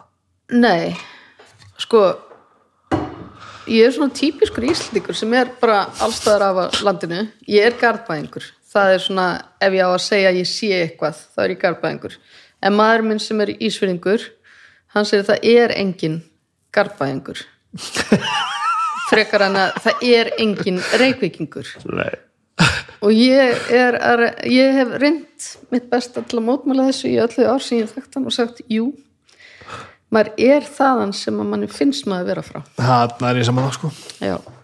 og þetta er nefnilega mjög mikilvægt núna eftir að við erum búin að alveg okkar eigin börn í Bretlandi all þeirra ár. Að þær eru jafn mikið breskar og íslenskar og stundum finnst þeim þær vera meira brettar Já. stundum er íslenskar og það er bara allt í lagi. En allavega ég er garbaðingur því ég flutti þangað því ég er bara eins og hálsás en pappi er ættaður úr Hafnafyrði eða sérst, pappi er alin upp í Hafnafyrði en ættaður að vestan Súundafyrði og Búlingavík og Ísafyrði Mhm. mamma er alin upp á Ísafyrði en ættuð að norðan svara við að dalnum og Þetta er allt svona einhvern veginn. fleiri góðum stöðum Ok. pabbi líka ættaður og biskupstungum þannig að ég er, eins og ég segi ég er bara, ég þarf ekkert að fara meira en svona tvær, þrjár kynsluðu til að ættingja úr öllum lands ok. Þau, en þau sagt kynnast á hér eða eitthvað? mamma og pabbi kynntust uh, held ég bara balli í Reykjavík Ó, hvað er gott. já, en uh, þau voru bara 15-16 ára krakka púkar og fara svo saman í Flensborg og svo fara þau saman til Danmerkur þar sem að pappi lærir teknifræði og verður síðan verkfræðingur mamma er hjúgrunafræðingur, hún var búin að læra hér í hjúgrunarskólanum og vann sér hjúgrunafræðingur út í Danmörku. Og svo komuðu til Íslands uh, byggu eitthvað starf í Gölvirarheppi í einhvern tíma, fóru svo til Akureyrar og fluttu svo á möluna í Garðabæin þar sem var verið að útluta í lóðum á flötunum. Og þar bara ól ég mína bensku og unglingsár. Íslendinga séu öskrandi út í tómið, hvað hva heitaði? Nú þekki allir alla, sko. Já, þú meinar.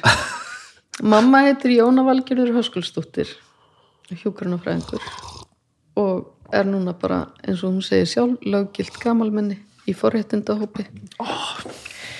Og pappi hétt uh, Gísli Hildibrandur Guðlugsson og dó fyrir nokkuð löngu. 1997 Og þú fengið að tekið Hildibrands. Já, það var bara ákvörðin þeirra pappi, ma, amma mín hétt Valgerður Hildibrandsdóttir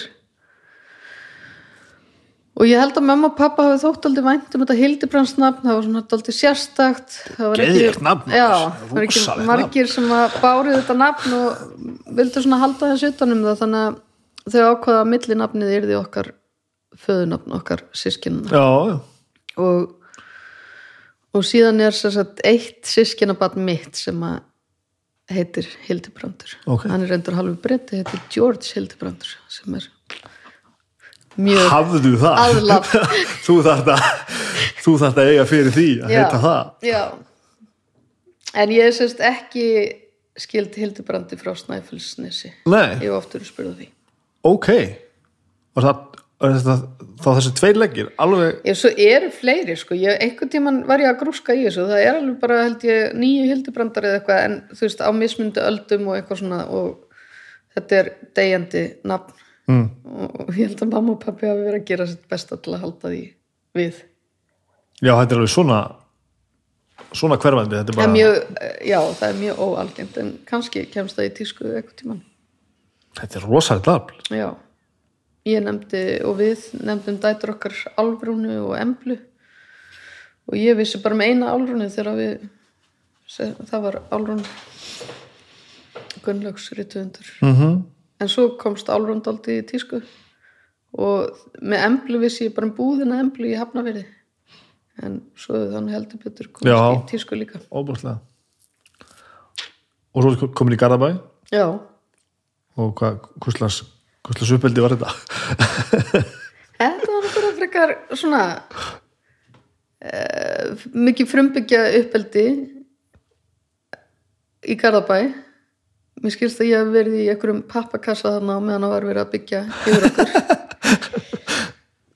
En en ég hérna já, gekk bara í skóla þarna í Garðabæ og, og það var mjög gaman. Við vorum svona umlykind aldrei hrauni þannig að það, þetta var svona skemmtileg náttúra í kringum okkur þó þetta væri svona á mjölni og byggt. Og það var, ég manna það var hérna kjörbíl, það var ekki komið kaupfélag þegar ég man eftir mig fyrst þannig að bóðabíl kom með matvörurnar, stoppaði fyrir utan hjá okkur. Já, og við fórum í kjörbílinn og fengum mjólk.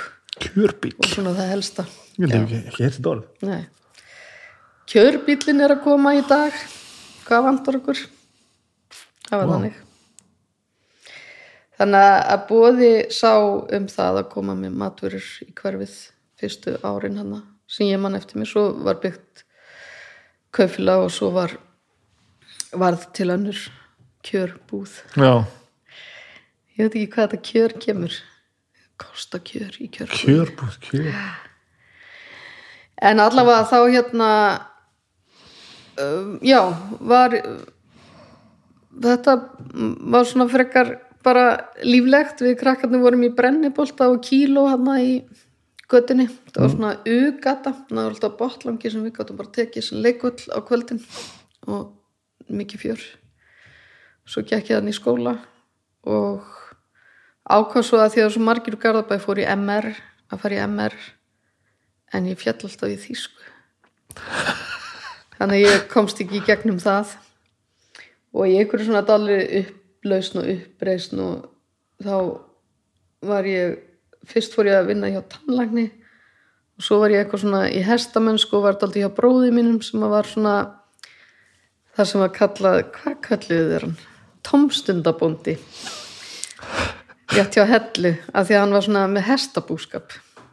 Og mér var skaman að hestum þannig að ég var aldrei hjá honum. En fór svo út til Gautaborgar árið 1981 þar sem að sýsti mín var að reyka eldhús í sjúkrahúsi og böði mér vinnu þar og ég bjó hjá henni.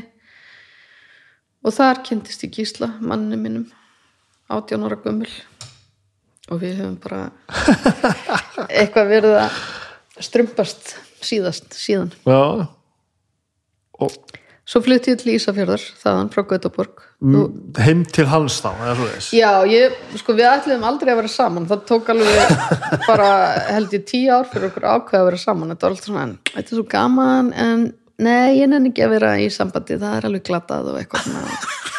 Vorum alltaf eitthvað að pæla í því, hvað væri glatað að vera eitthvað svona í þessari stöknun og aldrei að gifta okkur og aldrei að eiga börn og þetta væri eitthvað allt svo borgar, borgaralegt og glatað. Svo erfitt að vera svona sérstakur sem verður svona öðruvísin allir aðris Já, við, svo, þannig að við vorum alltaf, en já, svo er það náttúrulega bara, það er einhver ástæða fyrir að allir er eitthvað Já, svona, og maður bara fattar það setna sko. já, en þá, þá hérna er ég eitthvað búin að vera að reyna, nei, bara allt í lagi, bless, gaman að kynnast þér og við erum búin að vera saman í eitt ár og fórum í, í svona indiril ferðarlega saman og var ótrúlega gaman og hún svakal ástfangin, en við ætlum ekkert að láta það hafa áhrif á okkur, bara hætta meðan leikur hæst stendur og eitthvað svona. Svo náttúrulega bara saknaði ég hans svo ótrúlega mikið þannig að eftir þrjá mánuði gafst ég upp á að vera svona mikil töffari. Og fór til Ísafjörðars þar sem hann ætlaði að fara í mentaskóla Þannig að hann sess að fór heim Hann og þú fór fórst aftur til já, hann var búin að vera að vinna á færibandi í Volvo í tvö ár og hugsaði að það er ekki mikil fremtíð þessu þannig að hann fór til Ísafjörðar í mentaskóla, það er líka flosnað svona upp úr skóla, við vorum svona áttið það sammeigilegt að það var eitthvað svona sem að já, við hefðum flosnað af mismundi ástæðum upp úr skóla. Þannig að hann fór heim til að fara í mentaskóla og ég fylgdi á eftir. Og það var tekið á móti mér og átt að reyna að redda mér góðri heiðvirðri vinnu. En ég var í eitthvað svona miklum rótæklingspælingum og vildi fá vinni í fristuhúsinu því ég vildi deila kjörum með bara almúanum á Ísafyrði þannig að ég vann í Norðutanganum í eitt ár og var að því pappi var að reyka svona vélsmið og þeir voru að smiða tankaðna þannig að ég var líka með svona kostgangara til að auka tekinnar í hátteginu, hljóp heim í hátteginu eldaði mat fyrir ykkur sex kalla. Og vann í fristuhúsinu það var mjög skemmtilegu tími. Uh -huh. og bara gaman að prófa en ég, það átti ekki vel við mig að vera á, á Ísafjörði það var svona eitt þingsti vetur sem að komið hefði 82 og það var snjór upp á aðra hefða svölunum þar sem við byggum hjá tengdamömmu minni. Og þurftum að móka ömmans gísla út úr húsinu hennar á hverju modni til að henni upp í fristuhús að hún var 74 ára og vildi standa sína plikt og vinna í fristuhúsinu hún var að vinna í íshúsinu. Auðvitað, hvað sem Norðurtaka. rauðla er og þannig. að það sólarlaust í þrjá mánuði og svona snjóþungur og harður vetur. Já, það fór alveg með rómatíkina hjá mér. Ég sagði ekki, ég nenni þess ekki. Þetta er alveg glatað. Og sóttum í Flensborg og hann eldi mig í það. Þannig að við fórum saman og kláruðum stúdinspró í Flensborg. Hvað gerir svo? ég er bara, þetta er svo löng saga. Þar ég, á ég að fara í gegnum þetta? Mér þetta er mjög skemmtilegt, mér leiðist ekki neitt sko. já, bara áfram. Það er svo... um, veistu þarna eitthvað hvað þú ætlar að gera ertu komið með einhverja pælingar? Sko ég var með alls konar hugmyndir. Mér langaði að vera dýralæknir einhvern tímann. Svo fekk ég sjúkla mikið áhuga á jarðfræði það var ross skemmtilegu jarðfræði kennari þarna. Og ég var svona meiri í raungrunum. Mm. ég var ótrúlega klár í algebru til dæmis. Það er hrikalega skemmtilegt. Ég var með starffræði kennara sem heitir Kenova Kuhns og hún var bara með það sem motto að stelpunnar ættu að finna ástriðuna fyrir starffræði og ég algjörlega hyllaðist af henni þannig að ég bara ég reknaði mig í drastlatna ég var meira svo fyrir að læra diffrun eða eitthvað ég var alveg bara þetta fólk er svo mikilvægt sko, sem er með alvöru mission sko. Já, hafði alltaf þótt gaman að reikna en mér finnst þetta líka skemmtilegt og líka að upplifa svona einhverjar heimsbyggilega pælingar út frá starffræði og eitthvað svona. mm -hmm. Þannig að ég var alltaf daldið að fara þangað og hafði ekkit svona hugleitt mikið annað en Gísli las rosalega mikið af bókmentum á þessum tíma og var orðið miklu svona lesnari heldur en ég. Og hann kveikti þetta áhugaðan hjá mér í því. Ég fór að, þú veist lesa eitthvað af þessum köllum til að geta verið í samtali við hann um þetta. Og svo voru mjög skemmtilega íslensku kennara Vigdís Gríms var að kenna þarna ég var endur ekki nefandi hjá hann en átti mikil samskipti við hana og Örnóli Tórsson var þarna og hann kveikti rosalega áhuga hjá mér á bókmyndum ásamt því bara mér finnst bara ótrúlega áhugavert að fara í einhvern veginn þetta samtal um lífið í gegnum bókmyndir þannig að ég endaði með að sækjum í íslensku í háskólanum og tók bíapróf í íslenskum bókmyndum og fræðum. Mm Le- bæði, bæði málvist og bókmyndir og svo fór ég í kennslurétti eftir það. Hafði alveg mjög mikið áhuga á því og var alveg að hugsa um svona kannski sérkennslu fræði og fannst ótrúlega áhuga að vera svona að lesa sálfræði í því. Og Gísli fór í yðnskólan eftir Flensborg og lærði prentsmíði sem er sko atvinni, þetta bara sýnir hvað við vorum einhvern veginn ekkert að spá í sérstaklega mikið hvað við ætliðum að verða. Við vorum bara að fljóta eitthvað starf og prentsmíðin er alltaf fag sem er ekki til núna. Þannig að hann ákveður það að sér að þetta er degjandi grein sem hann vinnur við þarna á DFF að hann langaði að fara í grafíska hönnun. Já, og mér langaði að fara í miðaldafræði þannig að vorum, ég var að skoða miðaldafræði í Ástralía því mér langaði alltaf svo til Ástralía því að ég hafði svo mikið áhuga á kengurum. Og svo við byggum á hjónagarðum á þessum tíma held ég. Svo vorum við í pælingum með að fara til Kanada. Og það var eitthvað skemmtilegt að skoða þarna grafísku hönnuna þar en svo enduðum við í London að því við, við áttum tvö börn. Og okkur fannst þetta aldrei ósangjant að fara alveg hinum einn á hnöttin með þau. Bara út af öfnir og emmum og fjölskyldinni og við vildum svona eiga auðveldara með að vera í tengslum. Sem ég held að hafi svo verið alveg rétt ákverðin þannig að þið eignuðust börnin hérna heima? Já. já það eru tveggja og þryggja þegar við fórum út.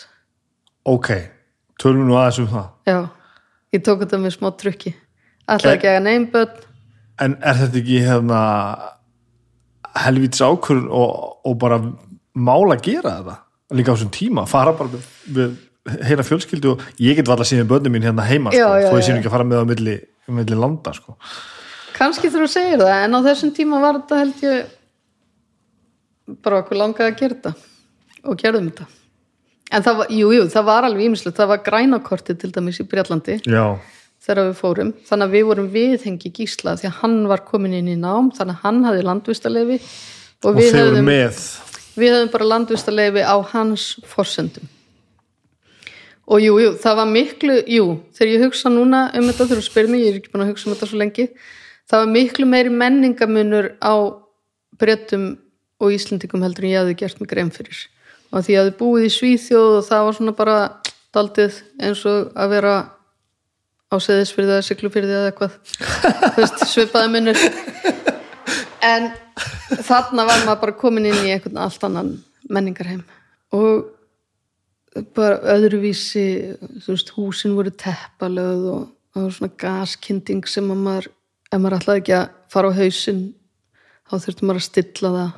Maður hafði kalt á nóttinni til að spara kyndingu og eitthvað svona það var bara einhvern veginn allt öðruvísi heldur en maður var vanur að hugsa á Íslandi. En ég er mjög fegin því að ég mér finnst ekki gott að sofa í miklum hitta ég bara lærði eitthvað nýtt hérna í þessu. Já og þannig að gísli fyrir grafíska hönnun og ég ætlaði, ég þráði að verða heimavindi húsmaður og við fórum bara í svona útkverfi eitthvað lengst út í buska. Í London? Já, og það var ekkit hérna ekkit svona dagheimiliskerfi eins og hérna, ég man að það voru svo erfitt að fá dagheimilisplás hérna og við höfum stopnað dagheimili á hjónagörðum til að bjarga okkur um að geta haldið áfram námi og vinnu og eitthvað svona. Og ég man að við skildum þar eftir á eitthvað svona, svona bygglista að pa passa upp á plásin þeirra. Sleftum Hérna ekki plásanum hérna heima. Að því við ætluðum bara að koma eftir 2-3 ára aftur. Ok, en þarna var ekkit svona sambærilegt við þetta. Og ég man að ég fór að rölt um hverfið og vera rosa heimavindi húsmóður að ég opna eiga tvo króa ég ætlaði aldrei að börn, egnaðist tvö börn í fullu háskólanámi. Hvað breytist, akkur ákvastu ákvastu kannski ekkert nei, bara það var þau, þau komu bara. Já. ok, og svo fannst mér alveg glatað að því var farin að ung út börnum að ég yrði að klára háskólanámið það var bara alveg annars væri ég bara lúser. Þannig að ég var alveg svona ákveðinni ég varð að gera allt. Og því ég kem út til Breitlands þá er ég bara, ah, hvað er gott að geta verið bara hérna sig og verið heimaðindi húsmaður. Þannig að ég er svona að fyrir að banka á hérna ágrunum og kynna mig og fyrir að skoða hvernig kerfir og það er eitthvað svona leikskóla og ég sagði það væri nú gott að fá svona smá tíma fyrir sig mm. og það var allstað fullt og ekkert að komast nema ein kona tekur símanúmer mitt og ringir svo í mig eftir á og segir veist, að ég hérna er komin til Íslands og ég elska landið þetta svo mikið að ég ætla að bjóða stelpanu þínum að koma og vera hérna því ég veit að þetta skiptir þig miklu máli að það er komist og læri enn sko Íslendingaspilið maður. Íslendingaspilið virkaði þarna já, þannig að við erum þarna bara í þessu og þegar gísli er að verða búin í námi þá fer ég í eitt ár og læri, fer ég emmanám í útvarsvinnslu og því þá, já, ég semst gafst upp á að vera heimavundi húsmaður eftir þrjá mánuði. Það var mjög leðilegt Sagan hinga til svona að þú ætlaðir alltaf að vera einhvern veginn svona, svona einhvern veginn upp á kant og gera ekki eitthvað og svo endur alltaf með að gera það svo allir hinnir já, já, já, já, eða, eða ekki kannski svo allir hinnir Nei, nei, ég allavega reyni mitt besta sko, en það gengur ekkert alltaf mjög vel. Svo Já, já. en allavega mér fannst það mjög leiðilegt og einangrandi og eitthvað svona. Að vera einn þá að Já, og bara svona kannski var það aldrei mikið bjarsýni að ég myndi bara kynnast fullt af fólki Já, já, með því já. að hanga heima hjá mér og vera húsmóður, skilur ég var mjög duglega að bjóða fólki í partí og svona og reynda að vera mjög, standa mjög í þessu hlutverki. En ég hérna ástæðan fyrir kannski að þetta breytist líka er að Heimi Már Pétursson vinnur okkar ringir í mig. Hann er að vinna á bylgjunni á þessum tíma og stöðtöðu mm -hmm. og sér, heyrði hann heldur, okkur vantar fréttarittar í London. Og ég alveg, já, halló. Sko fyrir utan að ég hef aldrei ég hef skrifað greinar í blöð og tímaritt en ég hef aldrei talað í útvarp og ég þól ekki röddin í mér að það, ég er ekki að fara að gera þetta. Nei, allt í lagi, ég byrði hann að Elinu Hirst bara ringi þig. Og eins og hann bara heyrði ekki að ég var að segja nei. Og svo ringir Elin Hirst og segir heyrði Anna heldur en að sigumálinn er með lag sem var koma út af í 17. sæti. Getur þú gert frétt um þetta bara núna í hátteginu og ég, ég sagðist ekki alltaf að gera þetta hún alveg, já en okkur vantar þessa frétt. Getur ekki bara hurra þessu saman? Og svo satt ég alveg og það í alveg spýttist svona svitatar á tölvuskjána því ég hugsaði, já ok, ég verð að reyna. Ég er alveg, þú veist, ég er algjör auðleg ég get ekki orðið við svona kalli. Og þá öruglega var ég líka að hugsa um það var nú öruglega líka gaman að hafa eitthvað að gera annað en að vera húsmöður en svo náttúrulega gæti ég ekkit klára þetta fyrir kljóðan 12 að því mér finnst þetta svo erfitt allt og ég ringi Elin og segi ég bara geti þetta ekki. Heyrðu, þú klárar þetta bara fyrir kvöldfréttinar það er allt í lægi, þetta er bara ógóð frétt til að láta hana og hann lægt internet á þessum tíma. Þannig að fréttinar voru kannski lengur að berast heldur en núna. Og, og hvað hva, hva varstu þú, var þá hugmyndir að skrifa þetta upp og lesa þetta inn á inn í gegnum síma? Já. Og ég kláraði þetta fyrir kvöldfréttir. Og síðan var ég fréttarittari stöðvar, eða bylginar og stöðvar 2 Klára sérst að skrifa þetta og ringir þetta inn til og, Íslands? það, já, og, það, og þá er einhver í stúdíónu sem tengir línuna við síman og ég les þetta bara upp Sem pistil þá bara? síma, já, sem frétt svona og ég hérna þannig var ég fréttarittari Og það bara og, og, og bara frá þessari stundu bara áfram þá bara Það fórst að gera steinlá. þetta Þetta er briljant En hvað var sérst að hvað var fengið með því að að fá þið til að gera þetta í London? það var var ekki internet sko, þannig að þú veist, ég gætt fylst með blöðanum ég gætt, þú veist, farið og tekið viðtöl við fólk. En eins og þetta tilvikið sem er sikumál já, já, já, já en það var bara því ég gætt þá afla mér meiri frétta, þú veist og Já. verið að lesa upp úr kannski Melody Maker eða, þú veist, NMI eða hvað það var Já, var, þú veist, Já, ok. gætt farið út í sjoppi og náði í þessu blöð og sagt, hér er risastór mynd eða hér er, þú veist og, og maður var bara að lýsa því hvað var verið að segja í fjölmiðlum í rauninni maður er svo blindur sko Já. á lífið fyrir internet ég, þú veist, ég man alveg hvernig það var sko en, Já. en, en maður gleymir því bara að hugsa þetta er um bara svo allt, allt annar tími og það bara þú fóst bara út í norræna hús að ná í norræni blöðin einu sinni viku til að fá fréttir þú veist, úr Gautaborgapóstinum eða eitthvað svo skilur, þetta var það var ekkit auðvelt að afla frétta og þess vegna voru fréttarittar út um allt, það var meiri tilgangur með að hafa fréttarittar þú veist, auðvitað er tilgangur að hafa fréttarittar á staðnum að því þú hefur aðra nálgun á efnið þegar þú ert á staðnum mjög skemmtilegt að heyra að færa fréttir þetta svona flytja mann í stemninguna sko. Já, og nákvæmlega. það er mjög Já, en svo eh, já, sem sagt bara gekk þetta vel og ég er allt í bara eins og lífmitt oft er ég er bara komin í þá stöðu, heyrðu, ég er komin í einhver starf sem ég kann ekkit í og hef ekkit lært þannig að ég sótt um að fara í mastersnám í útvarsvinnslu í Goldsmiths College sem var æðislegt og ég læriði rosalega mikið á því og komst í samskiptu við skemmtilegt fólk. Í útvarpsvinnslu? Já, ég kalli þetta, það, ég hef þýtt þetta útvarsvinnsla, það var MA Radio, hétt þetta. Og en hann var svo æðislegur uh, prófessorinn okkar að hann hafði áhuga á útvarsleikúsi og leikúsi almennt en hann var búin að sérhafa sér daldið mikið í útvarsleikúsi en var líka á kafi í sér þetta fréttamennsku og þannig að við fórum og lékum blaðamenn í dómsmálum og við fórum í Old Bailey, sátum já, já, í gegnum heil réttarhöld og þurftum að skrifa fréttir upp úr réttarhöldum og svona.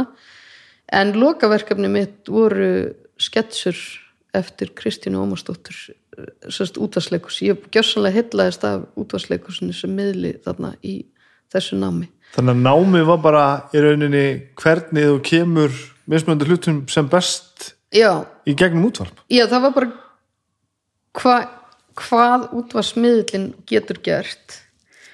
Og kannski það sem að læriði mest var svona hvað hljóð hönnun líka litar mm. útvarsefni sama hvort þú ert að gera heimilda þætti eða leikhús þú veist, hvernig ætlar að búa til hljóðheiminn sem að leikarinn er að fara í gegnum og það bara með fóli og allt svo líka Já. já, já. eða ef þú ert að gera veist, hvernig ert að nota þennan miðil til að koma á framfæri hvað, veist, hvaða lengd og allt þetta þannig að ég hef kallað þetta út á vinslu Svo þetta skemmtileg nálgun að byrja því að tala um sko miðlinn og allt og svo allt sem Já, rúmast innan já. þess Já. að hann var alveg frábær og er þessi maður sem að leiti þetta að því að hann var bæði fjölhafur, fjölhafur og viðsýtt og hann skildi líka þennan miðil svo vel þannig að sko, eins og við höfum séð útvarp þróast núna í hlaðverpum og svona og þessi sem að þú ert að gera hérna Mhm. við fórum frá því að halda að þetta væri deyjandi miðil Já, nákvæmlega maður. þegar að svona stafræna og internetið og stafræna svona þróunin fór að gerast mjög hratt í það að þetta er kannski bara einn öflugasti miðlinn sem að við eigum í dag og útvarp er svo heillandi að því að það hefur svo mörg andlit En hvað heldur þetta sé sem að einmitt ve- vekur þetta svona aftur? Af hverju viljum við þetta? sko ég held að það sé náttúrulega bara fólk hefur tíma til að hlusta og í öllu þessu í allri þessari svona líðræðis þróun fjölmiðla þá er þetta líka ákveðið tæki fyrir meiri fjölbreytni. Og ég held að útvarsmiðlin er líka hann er að því liti einfaldari heldur en sjónvars eða kvikmyndamiðlin að þú ert ekki með myndmálið en að samaskapi reynir þá á svona sagnagáuna Meina bara, bara einfaldri framleysla Já, það er einfaldari framleiðsla þannig að það er auðveldara fyrir þig til dæmis að vera með þetta sem hlaðvarp án myndmáls. Klálega, sko. En, en fyrir mér er það ekki sko það er ekki ástæðan, sko. Fyrir, ég, ég vil ekki vera með viðtölu mín í mynd sko. Nei, emmitt af því að það verði ekki eins viðtöl. Nei, nei, það er öðruvísi við til. Það er, hérna, þú talar um kvikmyndamatík á þeim, það er ákveðið, hérna, það er ákveðin töfrar í svona hljóð þáttum og hljóðefni. Mm -hmm. og þú kannski, þú veist, þú neytir þess líka annan hátt, þú kannski leggst upp í rúm og ákveður að loka augunum og hlustar á eitthvað. Mm og þá ert að nota þinn eigin þetta eigið myndmál, það fara hugrenningar það af er eitthvað stað. það, sko. Já, Já og líka viðmælandir hafa sér öðruvísi. Já, það er eitthvað, eitthvað sem að hann þarf ekki að passa upp á að veist, ég þarf ekki að vera að passa upp á ég þarf ekki að vera að hafa áhyggjur að því hvernig ég lít út hérna.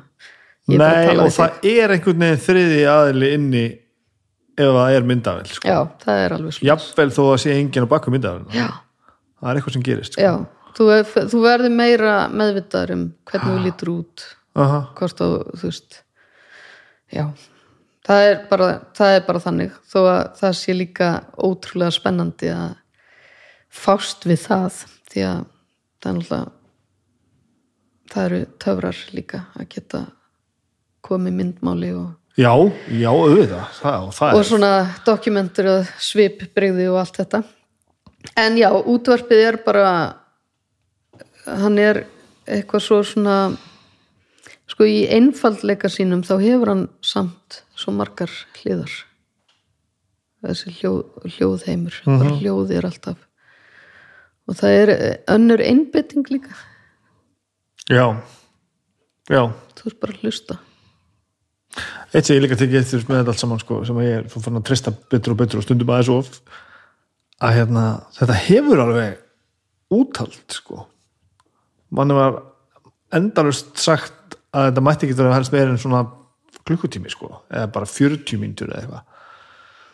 Og það er bara rugg Já, þú ert allavega að brjóta allar reglur með það sko. Ég er búin að hlusta nokkra af þáttanum þínum mm -hmm.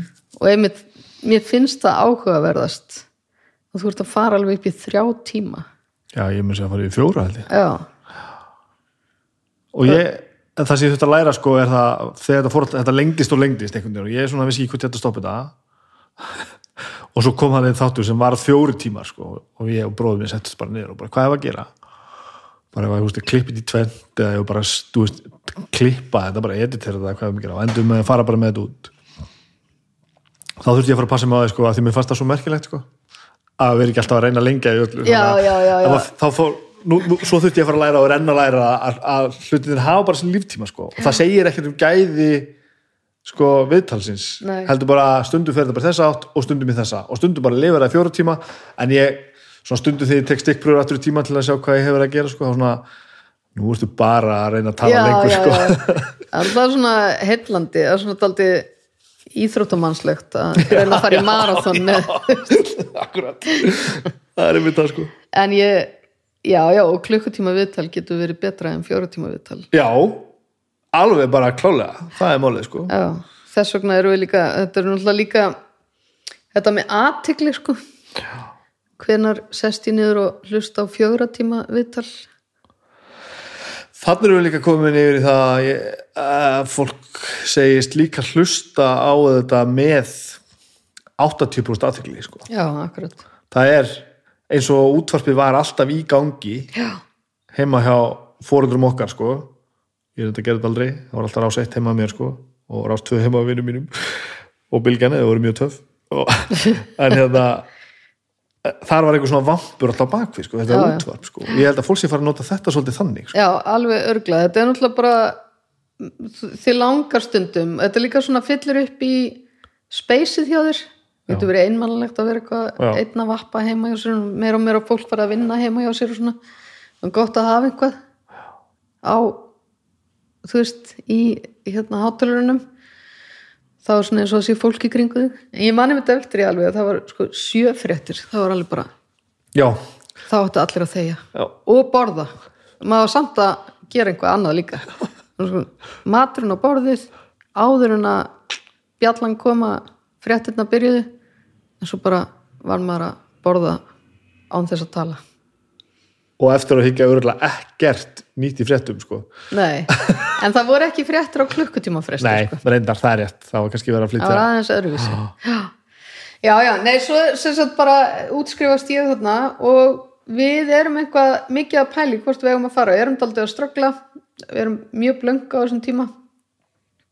Og gísli detturinn í vinnu sem grafiskur hönnuður. Þannig að við bara ílengdumst og, og skömmu síðar keftum okkur hús þarna í græna stræti grænu eins og þorpið okkar litla heitir þarna í útjæðri London. Og þetta er Green Street Green og og svo fekk ég vinnu og ég tók við svo Hildi Helgu sem var fréttarittari fyrir ríkisútvarpið. Aha. og þá var þetta svona daldið stærra jobb líka að vera fréttarittari En ertu þarna sérst búin að læra þetta? Já, já, og komið var með þessa leik, leikus, Já. útastleikustellu þannig já, og svo fer ég að reyka hérna Icelandic Takeaway Theatre með Ágústu skúladóttur sem þú kannast við Já, já. Völu Þórs og um, fleirum sem að Katrín Þorvalds og, og það voru fleiri sem komu að þessu þarna. Og ég byrð Kristín að gera leikrit úr þessum sketsum eða hvort að hún var þegar byrjaði að gera það en við setjum upp sem sagt Margréti Miklu Já, sem okkar fyrsta verk. Svo var ég búin að sjá þarna fósbræðarsögu eftir Svein Einarsson og mér var svo áhugavert hvernig hann var að nota leikhúsi til að koma þessum gamla sagnaarfi til skila. Þannig að ég fekk hann til þessu okkur og við settum upp leikrið sem hétt Dóttir Skáldsins. Hva, fórum hvað var þetta, þetta, þetta projekt þetta, þetta leikus var þetta bara Íslendinga leikus Já, í London? var, sagt, við vorum svona the takeaways og við vorum bara bjóða upp á hérna íslenskar eh, sagt leiksýningar sem byggðu á íslensku. Á ennsku, eða? já, Já, ok. Já, já, fórum að Edinborgar hátíðina líka. Með svona uh, það, þær höfðu verið mikið þarna í svona devised theatre, ég veit ekki hvað það er kallað á íslensku. Ég held að það hafa aldrei náða því því Nei. sko. svona propslaust svolítið. Já, þetta var svona hérna John Wright og Told by an Idiot og svo náttúrulega Ágúst var búin að vera hjá Philip já, Gaulier eða ekki? Ég ætla ekki að segja á hann svona í svona þessu sem kallar svona physical theatre, þetta er svona spuni. Uh -huh. Og það sem að líkamstjáningin verður kannski sterkari orðræðinni og já, við rákum þetta þarna í einhver tíma. Ég dró mig svo út úr þessu og fór já, af því að ég búin að vera fréttarittari vinna í þessu vera gulla í mörgu og fór svo að Bellatrix kom inn í líf mitt. Og þegar að það fór allt á flegi ferð þá hugsaði ég, nú er ég bara að velja. Ætla ég að fylgja þessu eftir og stuðla að heimsfræð þeirra og verða rosalega ríkur umbúsmaður eða eins og Eða- allir umbóðsmenn heimsins. Eða ætla ég að skrimta hér sem einhver fréttarittari og leikhúspródusent Ertu semst að koma inn í þetta þegar að Kolrasa er að fara í útrásina? Já, þau voru búin að reyna fyrir sér aðeins í bandaríkjunum og Hulda Geirs sýstrunni Elsu var búin að vera að hjálpa þeim og þau voru með samning hjá smekklissu og, og svona eitt og annað búið að gerast en Kolrasa er á þessum tíma fannin að kalla sig Bellatrix Mm -hmm. Já, alveg rétt, ég kynnist þeim þannig að ég beðin um að koma já, alveg ég var búin að gleyma þessu. Að þessast árið 1995 eða 6 því ég útskrifast þarna frá Goldsmiths þá fæ ég starf hjá japanska ríkisjónvarpinu og það felst í því að fara uh, með japansku eða sem sagt með tilrauna stöð fyrir háskerpi sjónvarp það eru 11.71 línutnar hann og þetta er svona fyrsta skipti sem maður bara pródusera efni fyrir háskerpi sjónvarp Mid-90s bara? Já. Og þetta var, sko það þurfti vélamann. Það var alveg vélinn fyrir myndavélina var eins og svona bara ágætis helmingurinn af þessu borðið eitthvað. Og við vorum sérst, ég var ráðinn til þess að vera hérna afla heimilda og hjálpa leikstjórnum að setja saman efni fyrir fimm þátt eða sex þátt heimildaröð um Ísland. Og við tókum fyrir hérna bara ógnir náttúrunar það var svona nýbúin að vera snjóflóðin á Flatteri og, og Súðavík. Og við tókum fyrir Sjáarþorpið og Reykjavík. Og svo langaði þá endilega að dokumentara arkitektur á Íslandi ég er eitthvað svona búandi í London ég sagði að ég á eitthvað svona erfitt með að sjá fyrir mér áhugaverðan þátt um arkitektur. Ég myndi kannski endurhugsa þetta aðeins núna en, en ég er bara búandi í London með hallir og kastala og eitthvað svona. Ég var ekki alveg að sjá hvernig ég ætti að gera þetta mjög myndrænt áhugavert fyrir þá miða við hvernig þættinu voru byggður upp. Þannig að ég hérna segi við know, okkar hallir er nú eiginlega í handritunum okkar. Það er bara það er það sterkasta í menningarlífi Íslendika að það eru handritin og sögurnar og literatúrin og sagði við ge- sjáu þið það ekki aðeins fyrir ykkur að við hittum þú veist kannski rítöfund og myndlistamann og eitthvað, tónlistafólk eða eitthvað úr því var til svo blanda að ég stemdi saman Tór Vilhjáms Palla í Húsafelli og Bellatrix og Tór fór til Palla vinna sinns Tór laði til að Páll væri með þessu að því að hann hafði svo mikla mætur á honum. Fast það svo merkilegur. Og hann fór og skrifaði ljóð um hann Eirík á löppinni. Og þeir voru saman að Bartúsa þarna og Bellatrix kom og samti lag við þetta. Og úr varð sem sagt, þessi menningaþáttur um Ísland.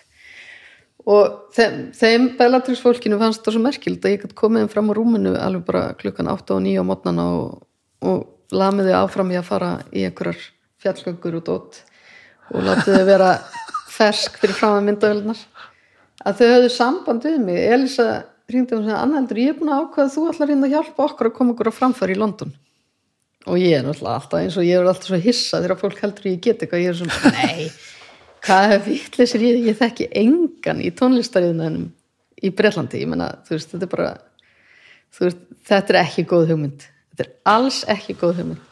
Þú veist að, jú það er bara manneskja sem getur hérna látið okkur hafa okkur og gert það sem við höfum að gera innan einhverja tíma hún hlýtur að geta eitthvað. Þannig að ég, þá var hérna vinir þeirra sem hafði verið í sambandi við þau og þau voru alveg búin að vekja smá aðtikli og svona. Hann hafði verið hérna umbúsmaður Adam and the Ants og, og X-Ray Specs. Já, og hann rettar þeim einhverju giggi þarna upp í Camden. Og ég kem og hann er ótrúlega fyndin þessi kall, hann er dáinn núna hann kemur á inniskónum með independent og situr út í hotni eins og einhver hróka gekkur og bara lesa svona blaði svona brota saman eins og breytar eru sérfræðingar í að gera. Og, og situr svona og er rosa stór kall í bransanum. Og hérna ég svona hugsa bara, ég meina þið þekki hann, hvað þurfið þið á mér að halda? Hann er alveg hættur, hann er bara nennir þess ekki lengur, hann er alltaf bara lána okkur hús og svona þarf eitthvað að gera þetta hérna fyrir okkur. Þannig að ég fyrir eitthvað svona aðeins að kynna mér þetta og finn umbúsmann og samtök Bretlands og þeir eru með námskeið. Þannig ég fór bara að fara á námskeið og læra þetta. Og svo ég bara eitthvað ekkit löngu eftir ég fyrir eitthvað að skipta mér á þessu þá er komin samningur við lítið fyrirtæki sem heitir Global Warming. Ótrúlega svona góðir drengir sem hefur rúa samingin áhuga á því sem þeir voru að gera og bara svona pínlítið fyrirtæki. Þeir gefa út eitthvað og bara svo fer bara einhvern veginn allt að gerast og ég var bara annað heldur sem að blaða maður og ætlaði að hjálpa þeim aðeins sem þurfti að verða umbúsmaður að því það þurfti einhver að heita umbúsmaður þú veist, það var ég já, en svo var ég alveg aldrei góð í að samfæra fólk um að koma þannig að það voru að koma Johnny Cigarette frá NME sem að var fyrir að já. brjóta og bramla og hótelherbyggjum og svona þetta þótti mjög töff að hann skildi koma til Íslands og fylgjast með. Matrix og og Melody Maker held ég hafi gert bara fossið greinum þau í þessu húsi sem þau deldu þarna sem að Stewart átti þessi umbúrsmaður og nei, Malcolm hérna og svo er hérna kemur samningur frá öðru litlu fyrirtæki sem heitir Fierce Panda. En það var þá stutt af stærra fyrirtæki sem heit Mushroom Records já, sem að meðal annars Kylie Minogue var að mæla, mála hjá og Garbage og fullt af öðrum Ass. Fullt af með töff hljómsveitum sem að ég mann þessu, þessu nafni, labeli. Já, krakkarnir heldur upp á og, og þau, já, við bara höfum mætur á þessu liði. En þannig að við fórum á stað í mikla útrás og þetta var dásanlegt ferðalag og mjög gaman í tvö ár. En við höfum alltaf lofa hvort öðru því að við myndum aldrei verið í þessu nema á meðan að væri gaman. Já, og svo var einhvern veginn það náðist ekki sá dampur sem að peningafólki sem að var á baku þetta hefði vonast eftir, það var fjárfest daldið í þessu. Og einhvern veginn fóru skemmtilega hittin af þessu þegar allt þetta svona business jökk kom. Og við að, það skildu leiðir í bróðurni þarna þegar þegar náðist ekki að slá í gegn á fyrstu plötu. Og margir hafa reynd en já, það var allt í góðu og þetta var mikil góð lífsreynsla. En þú, er gaman að hittast en það og eh, var, varst þú sem sagt, þú bjóst í London á þessum tíma mm -hmm.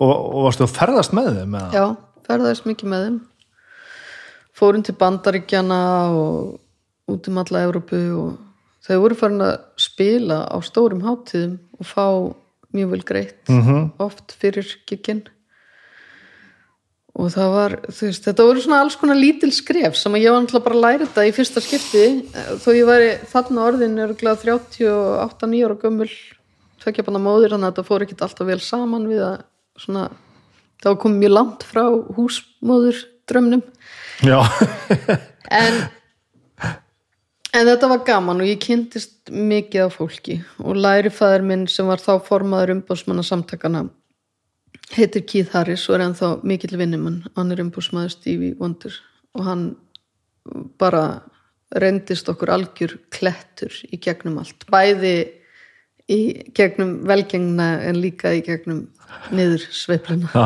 það er erfitt að detta niður þegar maður er hérna, þegar búið að ganga vel og að búið að hampa manni og, og það er verið að ringja á hverjum degi einhverjir að bjóði í partí eða með hugmyndir og svona svo allt í hennu bara þagnar símin það er mjög mikið blús Hvað er það sem gerist? þú nærði ekki aðlistarspilun í útvarpi þú nærði ekki að standa undir væntingum að komast í topp 10 Já, já, og svo framvegis það er bara svona röð af hl- hlutum sem að á einn bógin þarf að taka viðskipta ákvarðanir Mm. af einhverju fólki sem er búið að fjárfest í þessu. Og á hinn bógin þarf fólk að vera með listræna sín og þetta verður stundum þetta stundum er ekki alveg í syngi. Og þess að segja með spilunina sko, maður oft séð bara uh, maður er velta fyrir sér- sérstaklega þessum tíma sko, vinsættarlistin sko, hvað gætt skipt miklu máli hvenar og gafst út lag já, já, ef þú veist, ef það vildi svo til að það kom bara einhver súpa af já, einhverju sterku stöfi á sama Já, já. tíma og ég vil frá stórum öktum sko, Já. að þá áttur þú bara ekki breyka því þú varst ekki á leiðin inn á þetta lista sko. já, já, akkurat en það er bara svona röð af hlutum sem gerast og svo er þetta líka þú veist, sambandið og listræna sínin í hljómsveitinni og hversu sterkur ertu þegar þú ferð á þetta. Þetta er álag að vera á þessum ferðalögum. Þetta er líka lífstíl sem er ekki alltaf mjög góður til að halda fókus. Líka lífstíl sem mjög margir halda þeir vilji og koma svo að því að er ekki alveg endilega þannig. Já, nákvæmlega, það er hérna kannski tekið aldrei duglega á því til að byrja með. Já, já. en það er ekki endilega alltaf það besta sem að maður gerir þegar maður er undir svona miklu álíði en, svo, en ég menna þau stóðu sig alveg ótrúlega vel og þetta er bara saga margra, þeir þú veist þau fengu gott tækifæri og þau fóru í top 75 með smáskifur og þau fóru í bjölistaspilun og það var alls konar skemmtilegt sem gerðist. Eh, eða sem sagt þessi, þessar mælingar voru alveg með okkur um tíma Uh og, og margt alveg bara ótrúlega skemmtilegt og, og sko já eins og bara hátíðina sem við fórum á þá var alveg rosalega gaman oft og mikið af fólki og bara mikið kikk sem við fengum öll út úr þessu á meðan að vel gekk. Já, en svo, svo verður þetta erfiðara þegar maður fer að missa svona kannski og menn fara reyna að kenna einhverjum um vilja reka PR fulltrúan eða reka útvarsplöggaran eða reka, skilur við, já. það eru svona leðilegri og það var það þá þitt jobb að svona koordinata hvað er þið gert og, og svona setla málin og svo leiðis Já, stundum og stundum þurftu að taka erfiðar ákvarðanir og stundum en ég aðalega vildi ég yfirleitt ekki reka neittna því við komum úr grassrótinni og höfðum byggt upp allt orðsporið þeirra eiginlega daldið svona sjálf saman í þessari gleði með lítið fyrirtæki. Mm. og við vildum bara halda því fólki að því að okkur fannst það ekki gott karma að vera að reka þá sem hefðu komið okkur á þennan stað.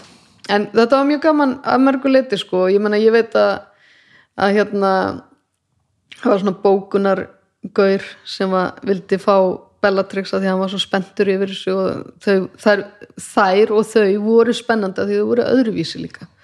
Það var svona daldið hvern orka í gangi þarna og mikið power í gangi og, og hérna hann vildi hann var komið með þær já og til þess að ná Coldplay þá lofaði hann Coldplay að Coldplay mætti spila með Bellatrix. Og það sannferði þá um að hann fengi að vera bókunar svona aðilinn þeirra. Þannig að Coldplay og Bellatrix voru til dæmis þarna á á svipiðróli og þau áttu að vera svona það sem er kallað co-headline að því að þú veist það var svona Coldplay voru kannski konir eitthvað lengra en það vildi enginn bóka þá á þessum tíma. En þeir fundu það að hérna Bellatrix voru miklu skemmtilegra svona live band, það var miklu líflegra í kringu þau þannig að Bellatrix lokaði alltaf kvöldanum það þarf, það munur oft svo litlu sko. Já, það já. er svo ótrúlega saga alltaf bara, hvað þarna var þetta bara, þetta voru bara tvö bönd á sama stað. Já. og svo kerði Coldplay fram úr. Náðu aðlistunum. Helviti nákvæmlega. Og hvað svo, veist hvað gerist eftir þetta? þetta var, ég ger mér alltaf enga grein fyrir umfanginu. Þetta var alltaf að vera alveg, alveg full time job Já, þetta voru tvö ár hjá mér. Og í, rauninu núna því ég hugsa um þetta, þetta var ótrúlega stöttu tími og það voru margir sem sagði ekki gefast upp, halda áfram og svona. En okkur leið bara þannig að við þurftum að fara og band, bandinu var líka farið að líða þannig að þú veist, Elísu langaði að fara að gera sína eigin tónlist og það var svona, þú veist, ég vann með henni þarna í eitt ári eftir þetta og svo voru við sem sagt, maður minn var þarna hafði mikið á botleði og við unnum, fórum þá saman að gera það, hann var að vinna sem grafiskur hannuður en við svona ákveðum að nýta okkur aldrei þessi sambönd sem við vorum komin í og network til að vinna saman í því. Svo uh, er hann er föðubróður Sign bræðrana mm en að við tókum þá að okkur í framhaldi á þessu líka. En á þessum tíma þá er ég líka farin að hafa mikla skoðunir á að Íslendingar geti stutt betur við útrás í tónlist og farin að sjá einhvern veginn, ha- já, hafa einhverja skoðanir og einhverja svona sín á það að það þurfi kerfis bundnar um, aðgerðir til þess að auka og, og, og kannski svona koma einhverjum farvegi í þetta. Og þá labbaði ég mér inn á hérna útflutningsráð Íslands eitthvað tíman og átti samtal við Jón Ásbjörgsson var búin að vera að tala við stjórnvöld og eitthvað svona um hvort þeir vildi ekki læra eitthvað af þessu. Ég þekkti þá orðið fyllt af fólki og náttúrulega sigumúlinni búinir að slá í gegn og messofosti búinir að vera með svaka árangur og björk komin í sinn sólokarjör en ég veist bara við þurfum einhvern veginn að sko, koma þessum áhuga í eitthvað og koma þessu tengslanetti virkja það betur og þannig að ég fyrir eitthvað að tala við einhverja og enda í að já, labba mig bara nýra útlunnsráð og byggðum fund með Jóni Ásbúksinni og eiga við hann samtalum það hver munurinn eða samhljómurinn við það að flytja út fisk og tónlist væri. Og hvernig voru móttökunar af því? æðislegar. Og bara, hann hefði bara aldrei pælt í þessu og aldrei fengið það hlutverk að flytja út tónlist. Nei, en húnum fannst þetta mjög gott spjall. Og með honum og fólki Helga Valfells var að vinna þarna útflýnsráði líka, hann fannst þetta mjög áhugavert allt.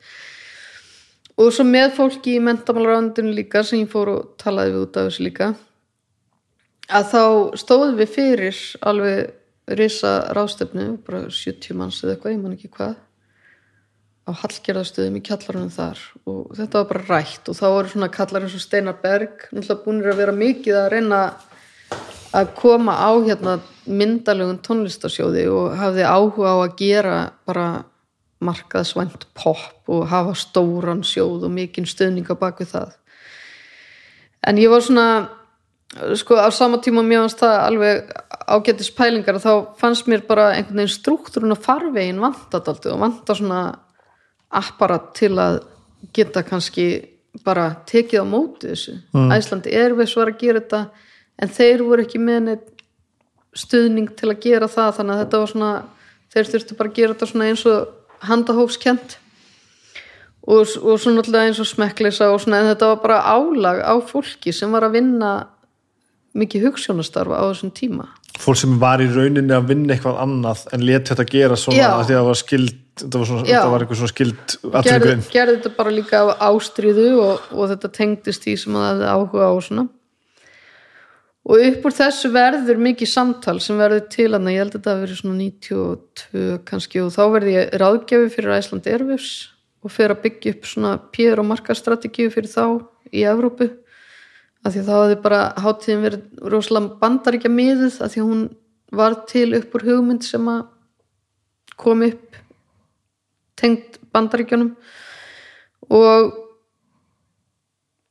og ég var ráðgjafi, þessast útflutningsráð byrjaði á að að sponsora það eða greiða mér ráðgjafalinn fyrir nokkur svona tónlistaverkefni og skoða útflutning á þeim en á sama tíma verður til þetta eh, verður svona samtal samtöku yðnaðarins fara með okkur upp í Borganes og byggja okkur um að skrifa handrit um hvar við viljum vera eftir tíu ár sem tónlistar yðnaður á Íslandi. Og eitt af því sem að var skrifað inn í það handrit var þessi útfylgningsskrifstof íslenskar tónlistar. Og svo fór Jónatan Garðarsson og gerði einhverja þarfagreiningu og bjóð til eitthvað pakka fyrir þetta og það var skipuð stjórn og útfylgningsrað var með í þeirri stjórn því þeir hefðu bara mikið áhuga á að skilja þetta og hvernig þeir getur staðið sér betur í að marka sér til annað heldur en fisk sem var bara mjög gaman að sjá að það var alveg hægt að ræða þetta við þá. Það þurfti bara að skilgreina orðræðina einhvern veginn. Og við já og ég svo satt bara er þarna komin í hóp umsækjanda um þetta starf að því ég brandaldi fyrir þessu að geta byggt þetta upp. En það var hörð samkefni og alveg 20 umsækjendur en ég fekk starfið og náði að samfara stjórnina mína um það að ég, að því ég bjó í London það væri í fyrsta leið mjög gott því að við værim í útflutningi og þarna væri mikilvægur markaður og þarna væri svona rætur allra þessara verkefna sem hefðu náð árangri. Vanlega Indiana baku sjúku kjúps og allt þetta. En, en svo líka að ég myndi koma í eina viku í hverju mánuði sem bara algjörlega lögmál og vinna á Íslandi eina viku en verður svo restina að ferðast eða í London. Og það var samþygt þannig að ég byggði upp úttón með stjórnni og og hérna já var fyrsti framkvæmdastjóri úttón Og hver voru þú veist svona fyrstu verkefni þá þarna? Hverju var verið að koma hvaða struktúr var að setja á þetta fyrst? Hva, hvað hérna hvernig fyrsti fundur? Já, hvað, þú veist Já, ég manna fyrsti fundur þá var ég alveg með svona tvær blaðsýður 20 atriði sem ég vildi ræða Já, og Jón Áspjörg svona nýfti mér sagði, kannski aðeins að hérna editera því að hún kemur á svona fundi. Hefur svona bara einhverju finn kallar hann hún er klára á þennan fundegt en ég mana allavega í þessu orðaflömi mínum að það var niðurstaðan svo að litlir peningar, þetta voru einhverju 10 miljónur á þessum tíma litlir peningar og hvað getum við gert til þess að láta þá verða sem verðmættast á? Ég, ég er svo mikill eldtíi að ég var bara ég var búin að setja mér, ég verða á sex mánuðum verði ég að sanna að þetta sé góð hugmynd að út hún sé til og að þessi skattpenningar verði vel nýttir því að það er ekkert sjálfgefið að skattpenningar eigi að fara í einhver svona sem að mörgum fannst þá bara einhver áhuga mál uh -huh. Þannig að ég sagði sko, ok, þetta eru ótrúlega litli peningar, þetta er ég og þessi stjórn, hvað getum við gert á sex mánuðum sem að bara sannar tilgang og tilveru þessarar. Það fyrsta verkefni var bara svona svolítið að stimpla sér inn bara. Já, Ok, og það var að leggja ofur áherslu á að vera með góða og vel úthugsaða vefsíðu sem að öll svona útflutningshæf verkefni getur kynnt sig á.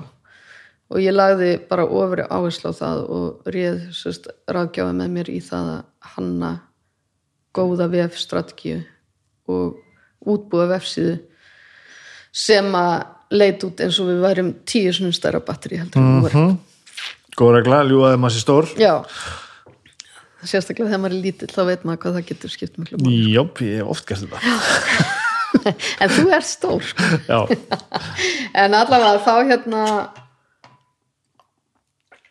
þetta gekk og þetta vakti aðtikli erlendis um, hvað þessi vefsíða var vel útfærið og og þetta við náðum að búa til svona verkfæri fyrir þá sem að voru í útrúst til að kynna sig en líka til þess að læra að búa til kynningar sem að voru gaglegar mm. þannig að þegar þú býr til ferilskrá eða þú veist teksta um hvað þú stendur fyrir eða hvað þú ert og við náðum að flokka líka eftir músiktegundum. Og við unnum mjög þétt með Æslandi Erfis áfram sem var náttúrulega minn heima völlur að vinna og ég var búin að vera að vinna sagt, að kynningamálum þar í nokkur ár. Og þannig að við náðum að ebla tengslanettið í gegnum hátíðina. Og síðan notaði ég eina hátíð hverju svona tónlistargrein og jazzhátíð Reykjavíkur og hérna myrka músikdaga til þess að vinna bara með sambarilegum hætti að ég efla tengslanett og koma eins og listrænu stjórnundum í, á klassiskum og samtíma tónlistarháttíðum hinga til Íslands til að ykkur, nota sömu hugmyndafræðu og Æsland erfis í rauninni. Að til þess að ná öflugum útflutningi verður að vera með góðan innflutning af þessum listrænu stjórnundum eða bladamennum eða þeim sem að leggja línutnar fyrir já.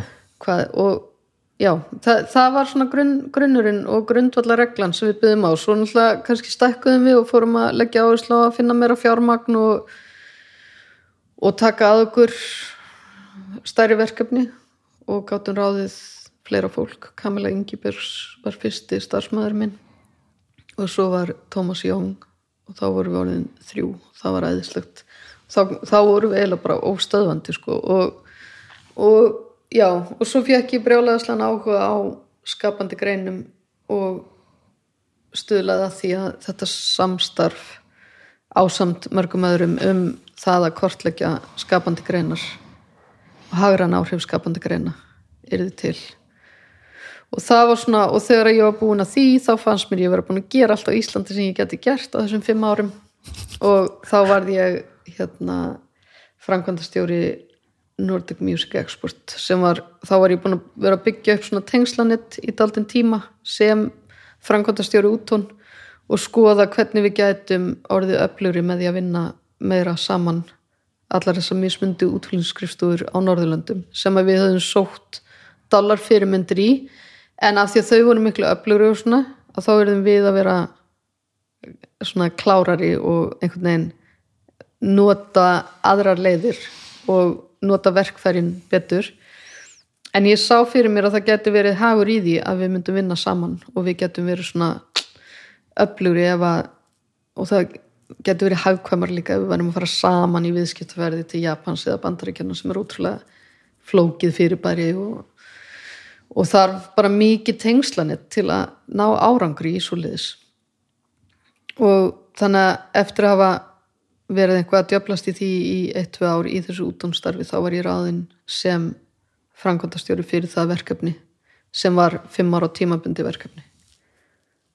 Og þá eftir það við byrjum upp já já já klúpakvöldin og Nordic Playlist og viðskiptaferðir emitt til Japan og Bandaríkjana og og eitthvað svona hátíður og svona sem að gekk bara allt mjög vel og er ennþá í gangi þetta samstarf og þetta net og hefur orðið farsælt á millið þessara skrifstúa og þá kom 2017 og norranna verkefni búið fyrir mig og ég er á svona krosskutum og ég man að ég var einmitt búin að fá hugmyndum að því við byrjuðum samtalið á að ég var alltaf svona eitthvað að blanda saman öllu og ég var svona, ég var ekki alveg mér fannst ekki að við ættum að vera svona mikið í kassa. Þannig að það var að koma einhver norrann hátíð í London og ég var að reyna að sannfara norranna liðið mitt um að við ættum að vera með eitthvað ótrúlega svona magnað nýtt konsept þar sem að tónlistamæður og kvikmyndalegstjóri myndu vinna sameinlega að einhverju. Og það fannst öllum að flott og ég komst alltaf langt í að samfara allum að þetta væri frábært. En við fjallum á tíma og það var ekki hægt að framkoma þetta að því að svona háttíður eru oft svona bara reglíf fyrir eitthvað sem er til og þetta varði ekki framkomilegt á svona stuttum tíma. En þá fór ég og talaði við Ian Forseth og Jane Pollard, vinni mína sem að voru legstjórnunir á 20.000 Days on Earth með Nick Cave. Og ég hefði þekkt daldi lengið að núti og sagði ég með opbúslega sterkar sín fyrir þetta. Mér finnst einhvern veginn að við þurfum að fara að vinna meira svona út fyrir og þau höfðu inni í tónlistageranum sjálf. Þannig að ég vissi hvað þau voru ástriðið fyrir tónlist. Þeim fannst eitthvað í þessari hugmynd. Og ég var þá líka einhvað rosalega upptökin á 360 gráðu upptökum og eitthvað svona og vildi sjá þetta í einhverju svoleiðis samingi og svo bara allt í hennu kemur hérna bóð frá þeim á ríkisúttarpinu að þið litist ágætla á þessa hugmynd frá Nordvision að við mættum, mættum koma og kynna þetta og sækjum einhvern þróunapenning hjá þeim. Og þá var ég sérst hætt hjá Nomex en ég fekk að semja um það að því að enginn skildi þessa hugmynd mína. Og þau voru bara, já þetta er svo típisk þú að gera eitthvað svo flókið að það er ekki hægt að hérna. þannig ég fekk að taka hana með mér þessa hugmynd þó ég hefði fengið hana í þessu starfi. Að því það var enginn sem sá að þetta gæti nokkuð tíman orðið eitthvað verðmætt. Og við förum aðna og kynnum þetta í Nordvision og fáum smá þróunapenning og þá verður þetta svona neglu við nýður eitthvað samstarf við nokkur teimi á Norðurlöndum. Og það er búið að búa til nokkra stuttmyndir í gegnum þetta verkefni. En við erum ekki búin að ná að gera þær allar. Og við ætlum svona svo að vefa þeim saman með einhverjum svona narrator eða þú veist sögumanni sem var í kannski djarfiskokkir eða eitthvað, ég veit það ekki einhver svona. Og já, þannig að við erum alveg búin að sjá þetta fyrir okkur en það sem ég held að myndi taka eitt ár það er búið að taka fjögur ár núna og er ennþá í gangi. Og meðan er ég semst búin að framlega Trúnó og A Song Called Hate. Já, já. og það er Brexit er búið að gerast í mildtíðinni og COVID. Og í fyrra bara það er búið að vera olga í mér í daldum tíma. Á þessum krosskotum hann á 2017 þá bara hugsaði mér langar að hugsa núna hvað mig langar að gera næst. Ég er búin að vera svona þjónustu starfi og vinna mikið með pólitiska kjærfinu og í svona strategíu. Nú langar mig aðeins að staldra við og hugsa hvað ger ég næst. Þannig að við hefum hús á Ísafyrði sem er lilla húsi sem að við mókuðum ömman skísla út úr í gamla daga. Og ég fór þar með gísla og barnabönnin kom að heimsækja og, og bönnin okkar. Og ég var þar í þrjá mánuði bara hlaup upp á fjöll og, og svona að hreinsa hausin á mér og reyna að tengjast einhvern veginn aftur við hver ég var eftir að hafa verið svona einhvern veginn norræn evróski og formaður einhverju evróskra tónlistar samtaka líka og eitthvað svona og ég þurfti bara að finna hvar er þessi íslenska annahildur sem að á bara rætur sínar hér á, á þessum fjöllum. Og það gerðist og einn daginn þá fekk ég þess að hugmynda trúnó og sendi það á Palma hjá símanum og daginn eftir var hann búin að kaupa hann. Og ég sagði, Vá, þetta er svo einfalt maður, ég get alveg gert þetta. Og gerði trúnó en svo hefur þetta nú alveg verið svona upp og niður líka, ég er alltaf að fá neitanir í kvikmyndasjóði og eitthvað svona. En, en ég er ákveðin í að þetta er minn geiri núna og ég ætla að láta það mér kveða. En af hverju gerur það? Þú veist, hvað hva, hvað fyrirmynd var það, þetta trúnumál? Hvað varstu búin að gera á þau sem að einhvern veginn fór í þess átt? um, það var kannski ekki alveg beint fyrirmynd, ég var ekki að kópýra neitt þátt sem að var kannski ég, er, ég fer ekki alltaf einfaldar leiðir að málunum en ég hafði bara brjálæðislega áhuga á ég var náttúrulega búin að ákveða að gera þetta kvikmyndafyrirtæki með Jón Dén út af þessu Nordic Trip sem Já. er þess, þetta sapn og ég var svona eiginlega bara að hugsa ok, hvað ég þá að gera annað þetta tekur svo langan tíma allt og eitthvað svona ég þarf að gera eitthvað annað. Og kannski var ég bara að fara svona daldinn ring ég var búin að vinna í fjölmiðlum áður Mm -hmm. ég, og svo vann ég 20 ári tónlistagerunum og fyrir mig var kannski bara daldi það að sækja aðeins í blaðamannin og manneskinu sem var að segja sögur var í leikúsi það einhvern veginn bara kom svona daldi náttúrulega til mín að kannski var ég alveg góð í því að taka viðtölu fólk og gera svona þætti meðfram því og þannig geti ég kannski lifað af í þessum gera. En ég þyrst að þjálfa mig í þessu og ég fekk Margréti Semu takkjar sem er alveg frábær leikstjóri og frábær talent. Og hún var að koma frá New York við vorum svona tvær á einhverjum krosskutum og vantaði einhvað að gera. Og mér vantaði leikstjóra sem geti verið með vél og eitthvað sem við getum gert ódýrt og svona náið. Þannig að ég átti hugmyndina og vann svona handritið og hún kom vann út frá því og leikstýrði og tók og ég framleiti og þannig lærði ég mjög margt. Ég lærði hvernig maður færi endugreðslu og fjármagnar svona dót. Og, og þetta var svona og ég var náttúrulega svo heppin að Abby hjá Glass River, hún var líka á tímamótum þegar ég var að byrja með þetta Nordic Trips þannig að hún kom og hjálpaði mér með það. Og þannig að ég lærði að búa til umsóknir í KMI í gegnum hana Kitta Rock, Margaret Jónasar og alla verið alveg bara frábæra lærumæður þannig að það var bara tekið einhvern veginn opnum örmum á móti mér inn í hennan gera hérna og úti líka. Þannig að ég hugsa bara þetta er bara skemmtilegt. Skemmtilegt að breyta til og skemmtilegt að finna að allt sem maður hefur gert einhvern veginn getur nýst á nýjum vettvangi. Já, þetta er, með, það er eitthvað svo heilandi eftir að búin að heyra allar þessu sögu að, að vera það bara með allt þetta í verkvarakistunni og, og þú ekki að velja einhvern veginn eitthvað eitt. Já, og mér finnst þetta gaman mér finnst þetta ótrúlega gaman og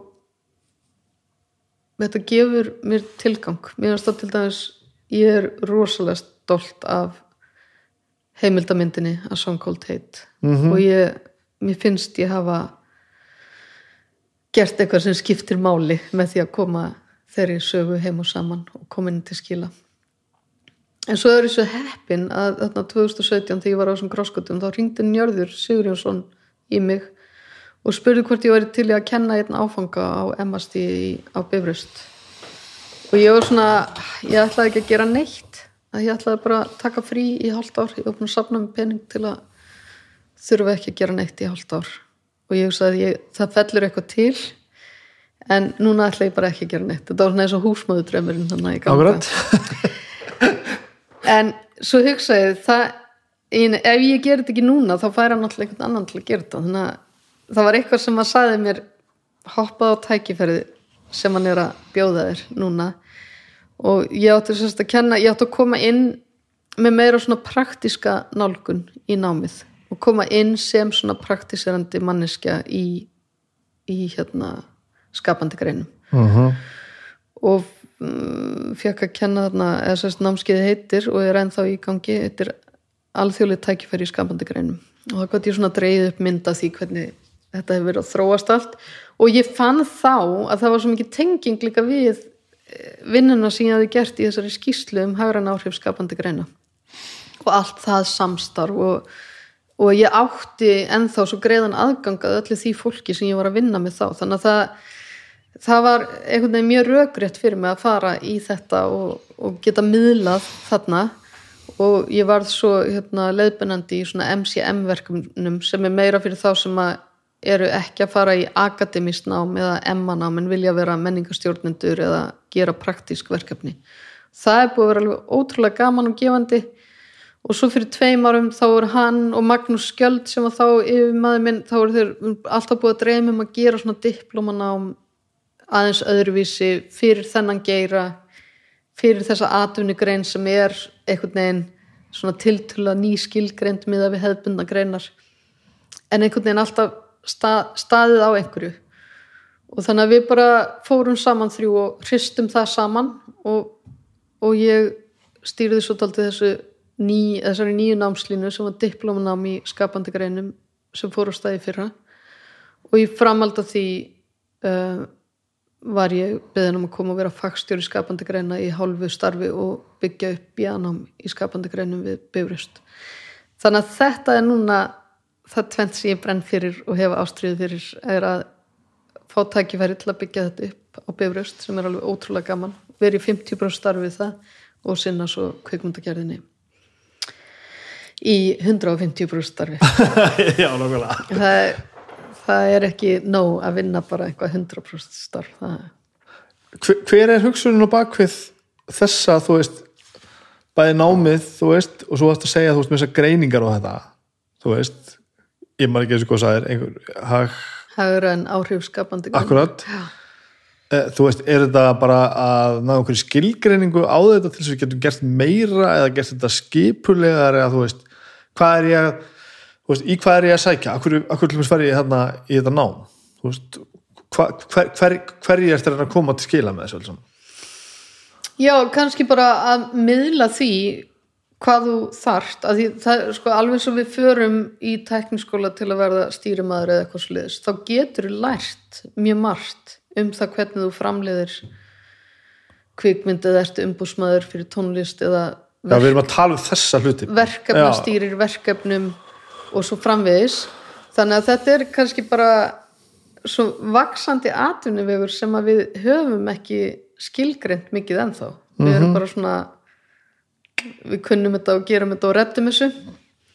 Og það er kannski að, að fóstra það daldið og fara að miðla þessari þekkingu sem er til. Því að það eru alveg frábærir einstaklingar sem hafa náð einstökum árangri á alþjóðavísu og líka bara hérna heima innanlands. Og mér finnst mikilvægt að það sé fóstrað í háskólakerfinu og því sé komið og miðlað og við gerum eitthvað gagn. Og svo hinn parturinn af mér er bara þetta að ég hef greinilega á þess að fatta þarna þegar ég var hjá útvon ég hef áhuga á að það séu skilgreiningar og að við einhvern veginn stöðlum að því að við rannsökum og skiljum þetta umhverfi sem þessi atvinnuvegur er orðin sem að við kannski gerðum okkur ekkit grein fyrir að væri orðin atvinnuvegur. Af hverju viltu gera það? Ég veit það ekki. Bara eitthvað mér finnst það bara mikilvægt. Ég vil ekkit gera það sjálf, ég vil bara stöðla að því að það sé mitt, gert. Já, ég bara, veist, hva, hvað það er sko. Já, mér finnst bara mikilvægt að að við sem á störfum í þessu og brennum fyrir því sem við gerum að við fáum áherd stjórnvalda, pólitíska kerfisins og þú veist, þetta er kannski eitthvað sem ég lærði líka í gegnum útón og svona mm að reyna að skilja kerfið betur og ég hef áhuga á samfélaginu og pólitíkinni en þetta er minn áhuga ég fundið að þarna er eitthvað sem að þurfti að opna og bæta eða þú veist bara búa til. Og ég brenn fyrir því af því að það var bara eitthvað sem átti eftir að gera.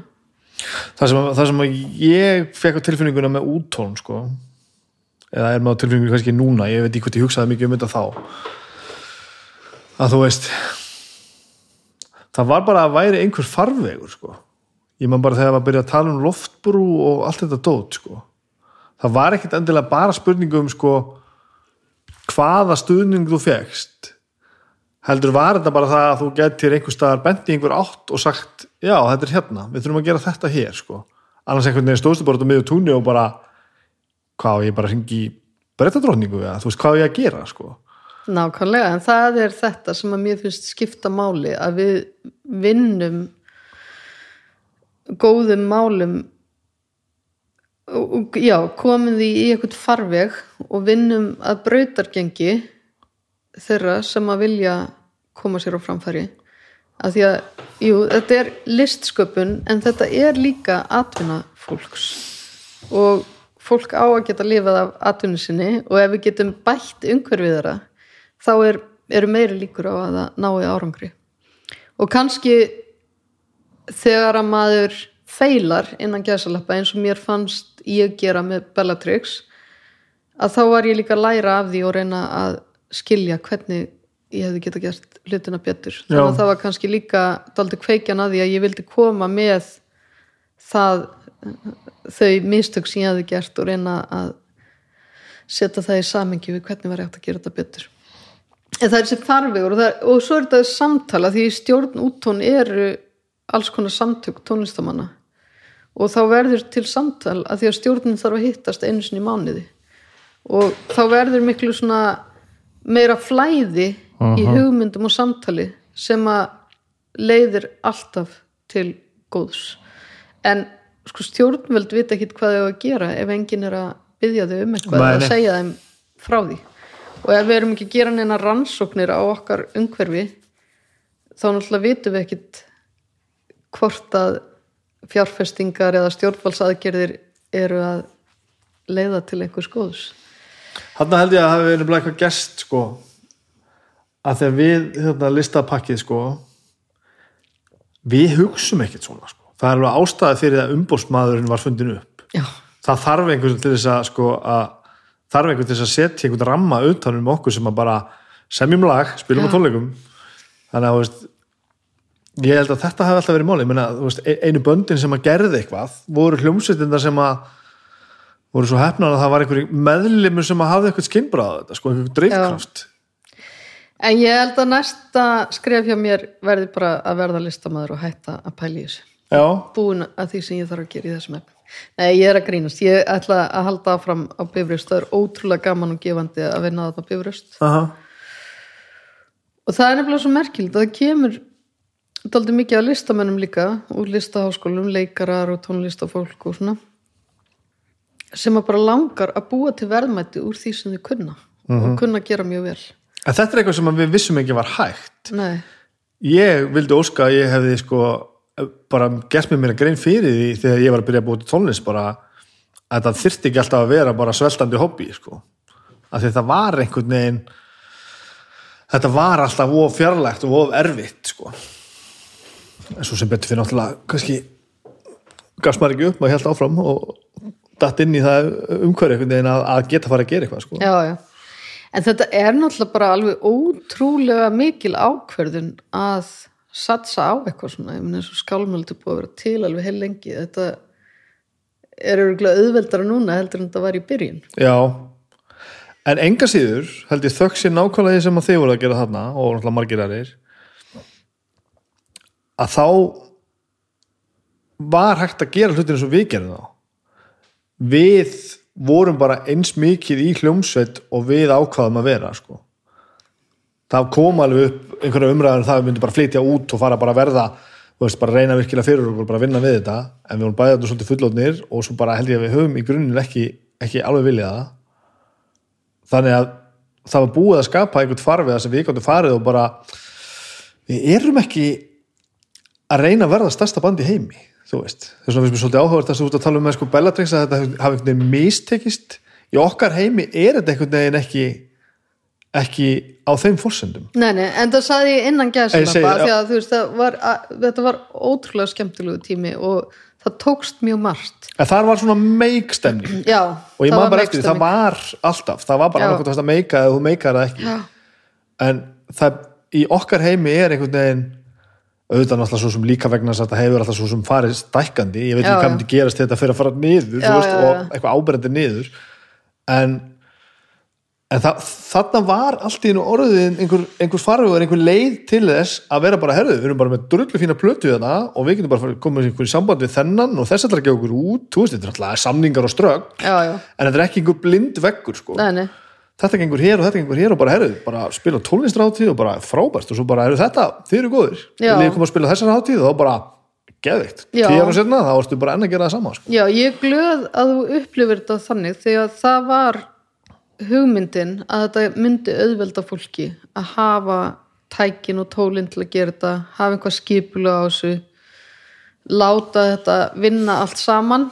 Og það var líka alveg gaggjörð hugsun hjá okkur að reyna að útbúa umhverju þannig að fólk gæti átt heima á Íslandi já, og gert út frá Íslandi. Já, að þetta er svona smá útgerð og það var til dæmis þegar Steinar Berg fór með sína ótrúlegu sín með messoförtu út til London þá var þetta bara ekkit hægt að gera þetta út frá Íslandi. En, en svo hefur margt breyst og auðvitað það hefur breyst umhverfið líka sem hefur ekkit með það sem við höfum verið að gera í stóðkerfinu en það hefur, þú veist, internetið kom til sögunar, fleiri flugfjölög ódýrar að fljúa og svo framvegist þannig að þú veist, það breyttist líka bara aðstæðunar og umhverfið. Mhm, en samt sem áður og ég segi það alltaf þetta er nógu erfitt samt sem áður því að sko ef maður talar um svona segjum bara útflutning á tónlist sem einhvers konar þróun á vöru eða já að þá, þá ertu ótrúlega langan tíma að þróa og skapa og búa til tónlist. Og ætla síðan að fara að taka það og koma því á framfæri ellendis er bara rosalega mikil ákverðin mhm, og það er ákverðin um að lifa mjög spart. Það verður engin ríkur á þessu í langan tíma. Af því það fer svo mikið tími í þróunar vinnuna já. og markasetninguna á þessu. Og við meiri sér tókum að því að við gerum ekki meira en við gerum sko. Við tókum þann pólinn einhvern veginn að þú veist að við, ég held að við lækkum allir í launum þegar við förum til útlanda sko, þú veist þetta er ekki ennþá komið á það stig að þetta sé fara að borga sig að þetta er nógu gaman og þetta borga sig að það kemur nógu margt annað í staðin sko. en fyrir þennan tíma sem þú ert að tala um þá líður maður svolítið eins og þetta bastleis og við erum í var bara ekki hægt það var engin farfið fyrir að gera svona sko.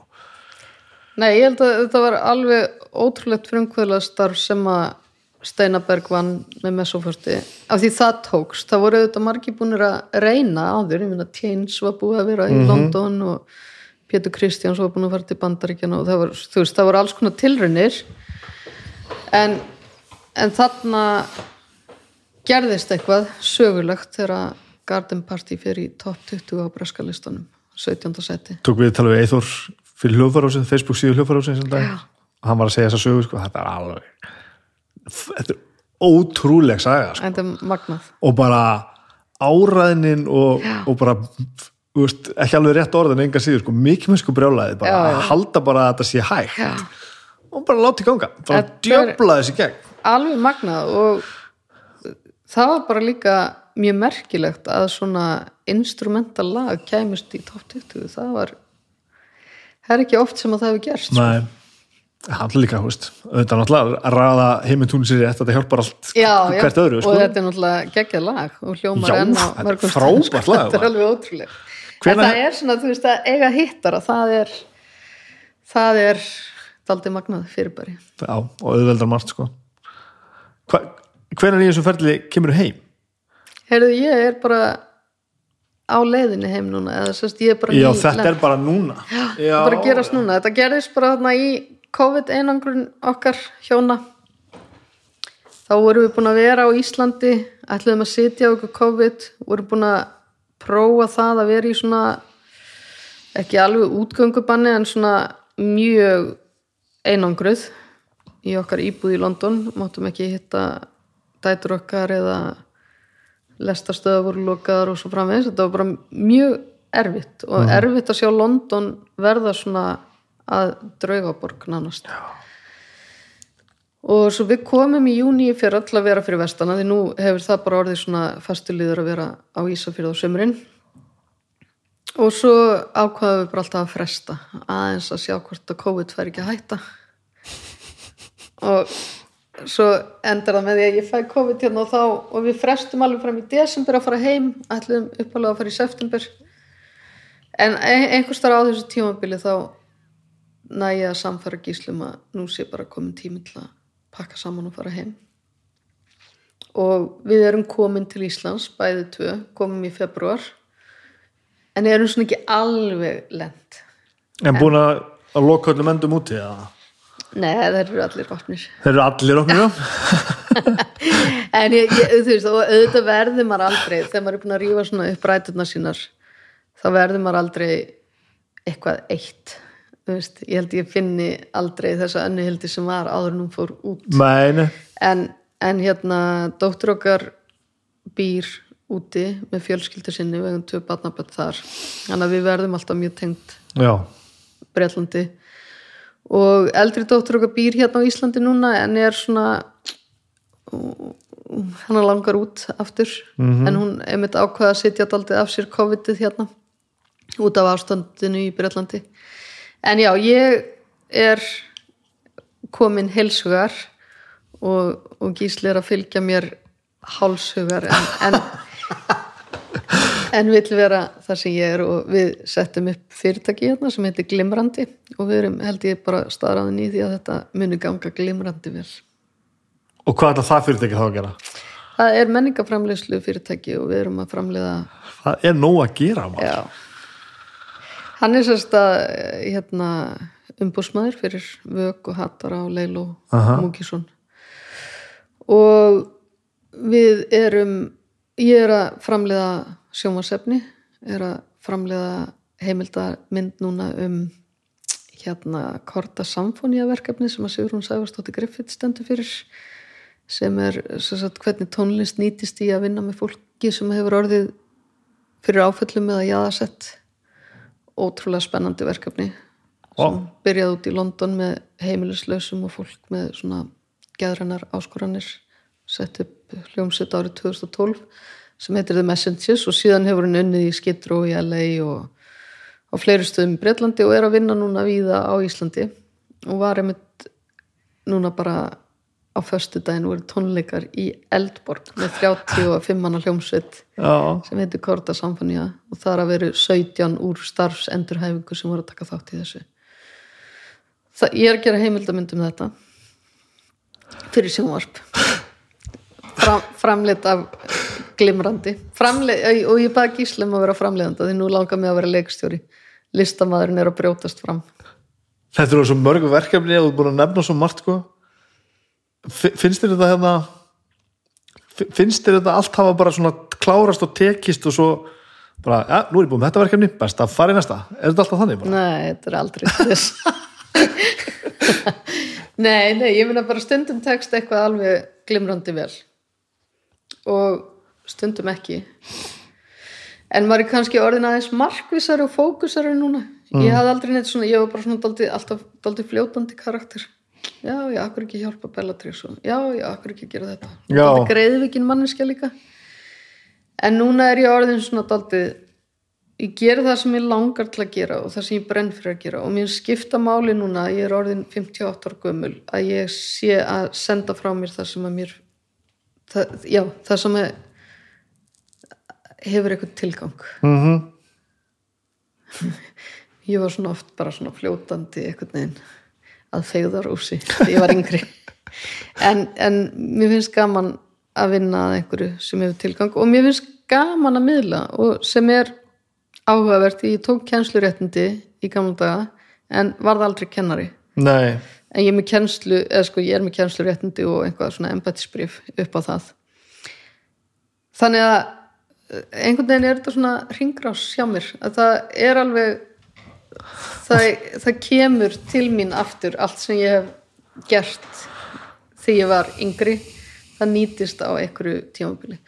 Ég sagði alltaf kennslu námið til dæmis, það var sem ekki sálfræði í því. Það var rosa gott því ég var umbúsmaður og framleiðandi. Já, af því þetta er svona daldum ekki stjórnunarstarf að vera kennari. Mm og það að læra það allt nýttist mér í öllu öðru sem ég gerði. En núna nýttist það mér líka í að vera kennari á háskólinum á Bifröst við háskólinu á Bifröst. Og það er það er gaman þegar maður finnur hlutina einhvern veginn svona að smetla saman en maður var ekkit að plana það. Ég held að ég, hef- já, ég hef aldrei verið góð í að sjá alveg fyrir. Og þartu, þú þart þess ekkert? Nei, ég er samt, ég, einmitt, ég er með einhver svona innsæi eins og með þessa hataramynd, það var bara ég þurfti að gera hana. Mm og, og samt sko segi ég líka við fólk þar ég gat ekki séð að ég myndi fá laun og ég fekk ekki laun fyrir þetta eina ár sem ég vann að því -hmm.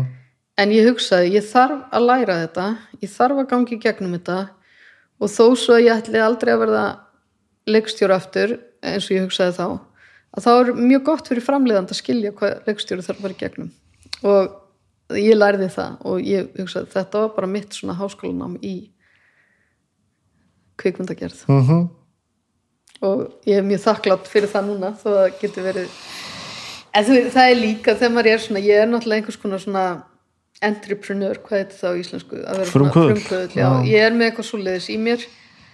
Og þegar maður er frumkvöðull þá getur maður bara hert sultarólina ef maður er nógu æstur í að gera eitthvað þá bara borða maður háragröð í þrjá mánuði það er góð tilfinning sko að finna að eitthvað skiptir maður nógu miklu máli til að gera. Það Já, og það er gaman, ég er mjög þakklátt fyrir lífum mitt og ég hlakka mjög mikið til á þessu nýja starfsvettvangi því að það er svo gaman að vera að gera eitthvað nýtt og, og reyna á sig, þú veist, það, það reynir á, maður verður aldrei ríkfallin í svona þegar maður er forvitin. hvernig er áhugin og, og skilningun á þessu námi, hvernig gengur að fá fólki í það? Heyr, það gengur bara mjög vel og þeir sem að komi í diplomanámið í fyrra eru flestir að fara að halda áfram og finnst þetta mjög skemmtilegt. Og skemmtilegast að er að nokkrir hérna sem sögðust aldrei hafa passað inn í skólakerfið þetta væri eins og sniðið fyrir þá. Já. mér finnst það mjög skemmtilegt. Mm. en já, það gengur vel með þetta og það er áhugi og greinlega þörf. Ég fæ mjög mikið af fólki sem sagði bara ég las þetta. Og það er bara allt sem ég hef áhuga ég hef aldrei fundið nám sem passar fyrir mig. Og þá er að segja ok, þegar við bara erum að lifa nýja tíma Mhm. og þetta er tiltöla nýtt við skilgreindum skapandi greinar fyrir tíu árum á Íslandi sem atvinnuveg. Og núna er bara skólakerfið að taka við sér og við þurfum að veist, vinna saman á í öllum samfélagskemum að því að þetta gangi upp var, Sigurður Ingi var að segja á sprengisandum daginn að skapandi greinar yrði eitt af stóru kostningamálunum í ár. Já, það er alltaf merkilegt. Hvað þá nákvæmlega? Þú veist, Ég veit það ekki. Ég, ég hlakka ótrúlega til að sjá hvað það nákvæmlega er sem að stjórnvöld eru búin að komast að. En ég held að kerfi sé að átt að sjá að skólakerfi til dæmis þarf að bjóða upp á öðruvísi kennslu til þess að að því skólakerfið er alltaf að búa til einstaklinga fyrir atvinnulífið, ekki satt að einhverju leti Ætti að vera þannig allavega Já. eða kannski, kannski ekki en allavega það er ein, einn af eitt af hlutverkum skólakerfisins Mhm. og ég held að núna áttum við því að við þurfum fólk sem að er betur þjálfað í skapandi hugsun. Þurfum við ekki bara að klára að hrista af okkur þennan miskilingu og þetta þess að vitlis þetta sé bara bara hobby og, og fólk að leika sér. Er þetta ekki ennþá bara pínu þannig? Er þetta búið til tölvuleiki? Er það vinnaðinn? Er, við erum ennþá aðeins þar sko. Kannski, já. Jújú, jú, og þetta er liður í að skilgreina það og fara átt okkur á því að þetta er atvinna. Og kannski þegar við þurfum ekki lögfræðing og tannlækna og, og bílstjóra í framtíðinni. Þá eru kannski bara allir að fara að búa til eitthvað skapandi, ég veit það ekki. En þú veist, hver veit við erum að fara að horfa fram á sko 50% atvinnuleysi í þessum hefðbundnu greinum þegar verður orðið svona meira meiri tölvuvæðing og meira hérna svona artificial uh, intelligence. Þú veist að það verður hægt að vél, vélmenna væða mörg störf. Mm og, og það verður hægt að láta tennutnar á okkur vaksa aftur eða skemmast og eitthvað svona veist, með einhverju tækni. Ertu þá að skilgjana skapandi greina sem hluti sem að bara mannskefna getur stjórnað? Nei, ekki bara. Nei, alls ekki en sko, og það eru þetta verið að, þú veist, það eru vélmenn að búa til tónlist og eitthvað svona. En ég held að þörf mannsins til að skapa og segja sögur, hún hefur alltaf verið til og verður alltaf til. Og við eigum eftir að lifa áfram í þeim heimi. Þannig að, að við þurfum að skilja hvað við erum að fara að gera ef að öll þessi hefðbunni störf er að hverfa út af tekni nýjungum. Og ég held að þú veist, fólk hefur sagt sögur frá öru og við alda. Það er það sem skapandi greinar gang út á. Já, og einhvern veginn eigum við eftir að finna það hvort sem það verður áhuga málið að atvinna fólks að þá skiptir það bara alveg ótrúlega miklu máli. Það skiptir líka máli að við séum þáttakendur þó við séum ekki öll atvinnumenn. Já, einmitt, einmitt. Að, hérna, að við séum ekki bara neytendur og passífi neytendur við þurfum þáttöku og þess vegna er verkefni hann að Sigruna Sæfarsdóttir Griffith svo ótrúlega fallegt að því að það er að vera þáttakandi í að skapa. Þú ert ekki bara að syngja lög eða flytja lög eftir aðra. Allur hópurinn er að búa til lægið og textan og koma frá sér því sem er að gerast. Þannig að já, það, þetta eru bara mjög áhugaverði tímar sem við erum að fara inn í og, og hérna miklar breytingar. Og þess vegna er svo gaman að pæla í því hvar sagt svona, já, skapandi hugsun þjálfun í, í hérna skapandi hugsun og listvinnu að hún er að komast inn á öll skólastig. Mm Við vorum, ég var að hlusta, ég var á málstofu í morguna sem var að ræða menningastöfnu og skapandi greinar og það var, var einmitt verið að tala um hvernig kvikmyndafræði er komin bara inn í grunnskóla og svona. Og fólk er ferð að læra í gegnum það að horfa á kvikmyndir og heimildamindir og allt þetta. Þetta er náttúrulega allt öðruvísi skólakerfi heldur en að ég var alveg upp í. Þar sem að þurfti bara fólk á sjó. Já, já, það voru bara bara ákveðin stóri búið sko.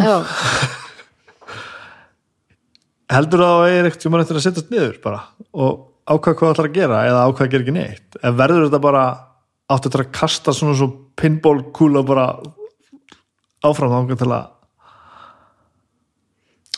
ég er náttúrulega sitt hér núna og er að ræða við því mér líði mjög vel. Ég kannski bara fæði að koma reglulega og sitja með þér. En þú bótt alveg gera það. Það er alltaf leið sko. En ég sko já, já. Ég er að hérna ég er daldið að yfka jóka núna og er að læra það daldið að slökka á hugunum stundum. Það er gott að gefa honum frí frá því að vera alltaf svona á flugi. Og ég finn daldið núna að ég er mér finnst ég vera að finna einhvern takt í þessu sem ég er að gera núna. En hver veit, yfirleitt hafa verkefnin mín átt einhverja svona 5-10 ára ringi en ég sé að þetta er svona eins og mengi talandi um hvað mér fannst gaman í rekningi að, og þau skarast og það verður sniðmengi úr öllu. Þannig að já, meinur öllu sem þú gert meinur já, já, og ég held að það er bara eftir að þannig að ég upplifi mig ekki eins og ég sé ping-pong sko. já, ég skil þig já. og sniðmengi. En mér er betra að hugsa í algebra allavega heldur þannig að þú upplifir þetta ekki sem einhverja svona að þessi saga er náttúrulega rosalega að rekja það svona sko. þú upplifir þetta ekki sem einhverja svona kaotík að kastast á milli verkefni einhvern veginn. þetta er svona einhvern veginn hverfist í kringum alltaf sama ég bara núna því ég er að verða eldri þá sé ég að þetta e- e- einhvern veginn harmonerar allt og, og skarast allt einhvern veginn og ég held að ástæðan fyrir því ég er á bifröst er út af því að ég lagði mikla vinnu í, í þetta samtal og samstarf sem við áttum um að skilgreina skapandi greinar á Íslandi. Já, og núna nýtist það í, í það. En ég sá það ekkit fyrir árið 2010 eða 2009 þegar ég byrjaði að þessu, já, svo er ég örgla háskólakennari þegar ég verði stór. Veist, það var ekki pælingin með því þá. Það séu þá hvað fyrir núna hvað verður næstu tíu ár? Nei. En ég er náttúrulega sko annað hlutverk sem er mikilvægt. Ég er fóreldri á fullorðnar dætur og ég er amma. Það er svakalega skemmtilegt verkefni. Og eitt af ömmu verkefnunum mínum var að koma á íslensku námskeið á Ísafjörð á sömurinn sem heitir tungumálatöfrar. Af því að þetta er aldrei gert eitt hálfa leið maður. Ég áttaði mig á því að litli strákurinn minn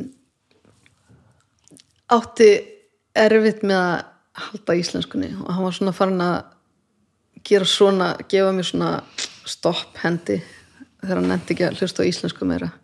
Og mér var svo mikilvægt að hann kynni íslensku. Og svo var hann hjá okkur á sömrin og þau, fjölskyldan. Og þá var maður svo mikið að reyna að finna einhvern einn vín sem getur verið vínur hans á Ísafyrði og það var eitthvað svo mikið byrði fyrir foreldra eða ömmu eða viðkomandi vín og ég sagði hvernig, hvernig get ég gert þetta þannig að þetta verði alltaf skemmtilegt fyrir hann að koma á Ísafjörð? Og hann vita að hér er alltaf í burtu, eh, íslenska heimilið hans. Hann á þetta heimili. Og þá kom ég með hugmynd til bæjarstjórans og við ákvaðum að halda svona borgarafund árið 2016 og þá var einmitt hérna Guðni að verða fósiti og kom í ljós hann er því fósiti og Elsa Ríti var búin að gefa út og hún ætlaði að láta innflytjandamál sig varða. Og náttúrulega á sín tvítindu börn og er tvítind sjálf. Þannig að ég hérna kallaði henn og spurði hann hvort hún vildi koma og vera með okkur á þessum borgarafundi sem hún gerði.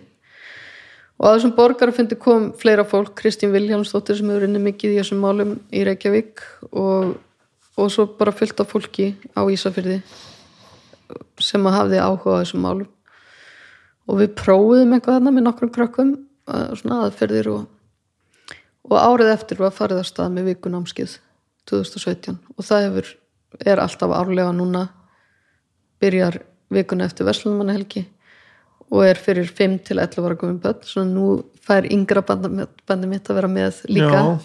í sumar. Og það sem hefur gerst nú er bara he hellingshópur, ég er bara formaður einhverja stjórnara því ég ætlaði bara að gefa bæjarstjórnum og segja þetta er frábær hugmynd, viljið þið ekki bara eiga þetta og gera þetta? Og Ísafjörður getur orðið svona miðstöð svona íslensku kennslu og þróunar og kennsluefni fyrir fjöldtingt börn og svona samþættun og líðræðislæsi og ég veit ekki hvað og hvað ég, þú veist, það koma alls konar svona hugmyndir upp. Og það var mörgum sem fannst það stórkostlegt en svo er mjög vitur kona sem er nágrann minn á Ísafjörðum og sagði annað heldur ef maður fær svona góða hugmynd þá er maður líka fylgin eftir. Já, og þannig að ég ákvaða að vera formaði stjórnar en ég ákvað líka að mér langaði eitt svona sjálfbúðaliða starf sem ég myndi aldrei fá pening fyrir og myndi aldrei taka neina efnahagslega ákverðin út frá. Mm. og ég myndi borga fyrir barnabönni mín og vinna að þessu að sagt, bara svona heilum hug sem áhuga manneski um þetta. Og það hefur gengið eftir og þetta hefur bara stækkað og dafnað og núna hittast 50 börn þarna þessa viku. Vá, og það er að verða til unglíkanámskið líka. Og kennararnir eru sko alveg stórkostlegi kennarar þarna. Jón hérna, Gunnar Býring gítarleikari, tónlistakennari mm Dagný Arnalds, tónlistakennari líka. Bæði sérmynduð í skapandi miðlun sem er líka svo skemmtilegt svona nýtt fyrir bara í skólakerfinu. Og fleiri myndlistamenn og þau, nefnilega kennararnir kendi mig það, þau eru svona, já, við skulum gera þetta í gegnum myndlist og tónlist. Og ég alveg, ha?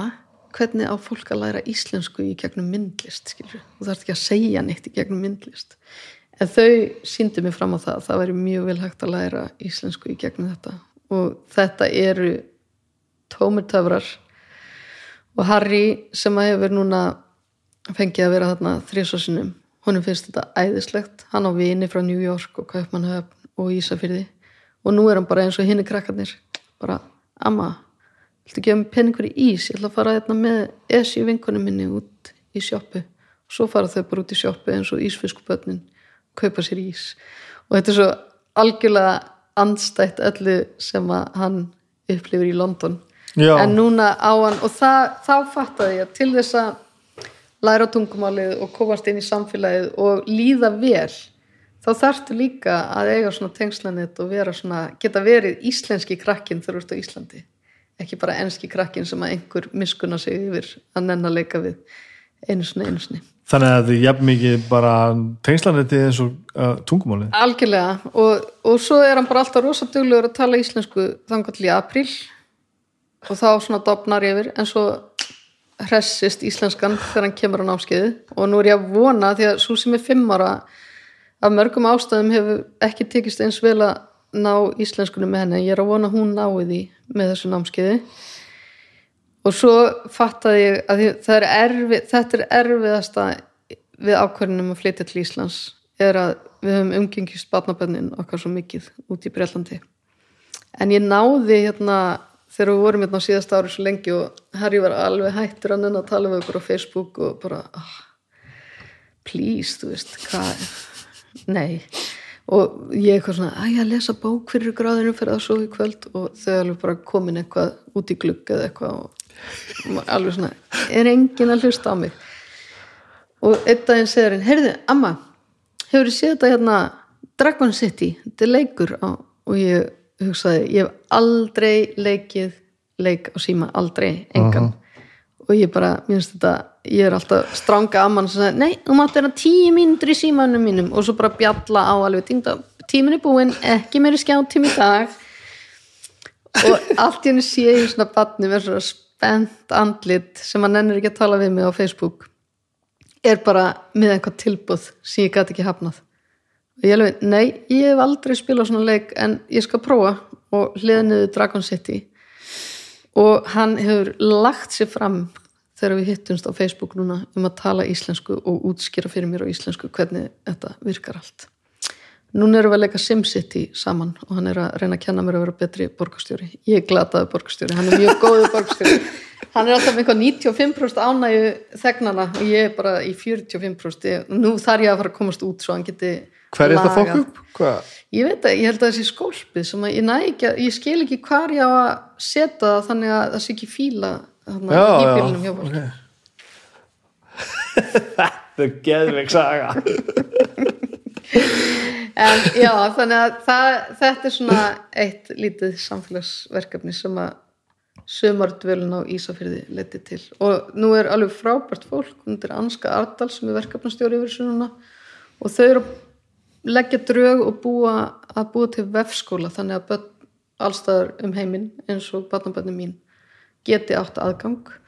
Og, það, og sem sagt yfir allt árið að einhvers konar vefskóla á íslensku og svo var þetta líka mjög fljótt svona samtal á milli innflytjanda og flóttamanna og svona íslenskra barna sem búi í útlutnum þannig að núna er svona alltaf svona matarháttíð í lók námskeiðis og eitthvað svona skemmtilegt Hvernig er því að segja nei? betri, ég var glötuð í því en ég er búin að læra að segja nei Og gerir það? Þú velur úr og, og stjórnar tímanum eitthvað? já, alveg reglulega núna Og segja, er það eitthvað sem maður hægt er að læra? Svo sagt? Ég held að það er einhvers konar viska sem að ég tilengað mér eftir því sem ég orðið eldri að læra að fókusera betur á færri verkefni og ná árangri En þú ert að gera það því að ég er ennþá þau stað sko, ég eiginlega segi nei af því að ég er búin að vera til lengur og gera fleira og vinna með fleirum, þá koma fleiri tilbúð og vonandi bara fleiri sem eru góð. Og nú Já. er ég bara að segja nei ef að ég, mér líður eins og ég sé að láta lífið á álægi Já, já, já, já. En þú ert náttúrulega svo ótrúlega, þú er svo mikil rockstjarna, skilur það er að ég er ekki svona mikil stjarna eins og þú. Og þannig, að ég fæ ekki svona mörg tilbúð aldrei sé nú ekki rétt er þið ekki kannski mögulega öðruvísi jú, kannski, ég veit það ekki. En nei, já, ég er bara kannski líka að læra það að maður líka minn segir líka bara til stundum. Ma, maður þarf að hafa tíma til að hugleiða, fara í göngutúra, hugsa um sjálfan sig til þess að maður sé jafnvægi Já, og haldi hilsu. Það er mikilvægt, eh, kannski verður líka mikilvægur þegar maður verður eldri að hugsa um að maður haldi hilsu og sé í góðu jafnvægi. Já, og það er bara það, það tekur tíma. En já, ég er orðin betri að segja nei. Held ég. Ég held að fjölskylda mín sé ekki sammála mér. Nei ég er bara að ræða þessu saman í- bara, sem ég bara gera bara í hausinu á mér sko. hvað hérna verður mest næst svo með þessa með myndina? Ég sá að það fara ykkur hátíðir. Já, hún er bara alltaf á einhverjum hátíðum núna. Hvað, hver er fyrirlin með, með þetta? E, Ég er bara að læra það núna, þetta er í fyrsta skipti sem ég í gegnum svona ferli. En þetta er auðvitað eh, hef ég séð þetta gerast í tónlistinu líka, þetta bara tekur allt miklu lengri tíma í kvikmyndageranum mm, en hún er sem sagt, það hefur verið að selja hana í einhverjum löndum að svona framselja réttindin og það var einmitt verið að gera eitthvað samling á Spáni og þá var ég í hérna viðtali á ístæsta dablaðan á Spáni til að kynna það og eitthvað svona. Og svo, þú veist, þetta er bara svona gerist eitthvað í mismundi löndum og einhverja sjónvarstæðar sem kaupi þetta. Og svo eru einhver bíóhús að kaupa þetta og svo eru hátíður að byggja um hana. Mm og svo held ég á einhverjum tímapunkti þá fer hún í á einhverjum streymisveitur og on demand eða þú veist það sem maður getur sótt hana á mismundi. En fyrst er er þessi kynningar hringur, það sem hún já. fer á eins margar hátíður og hægt er. Það búið til eins mikið að viðtölum og hægt er. Um, já og hún fær einhverja tilnefningar og það er gert eitthvað úr því og og já, þe- þetta er bara svona þessi hefðina svona kynningar starfsemi á að koma þessu á framfæri.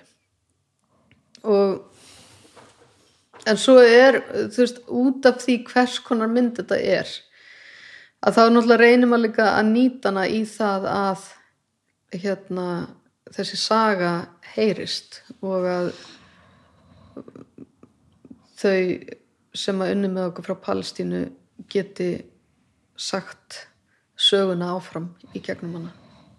Eh, sem er ótrúlega sorglegt á sama tíma. Það er gaman að myndin gengur ágætlega vel og fær aðtegli en það er ótrúlega sorglegt að hún sé í rauninni í sterkara samhengi heldur en þegar hún kláraðist. Og já og það, þetta er svona blendnar tilfinningar oft sérstaklega núna eins og hlutinir hafa verið í Palestínu í mæ að það var bara erfitt að vakna á hverju mótni og vita að fleiri hefðu látist í árásum og að það væri verið að henda fólki út úr hýpilum sínum og hugsa, ok, hvað, hvað getum við gert?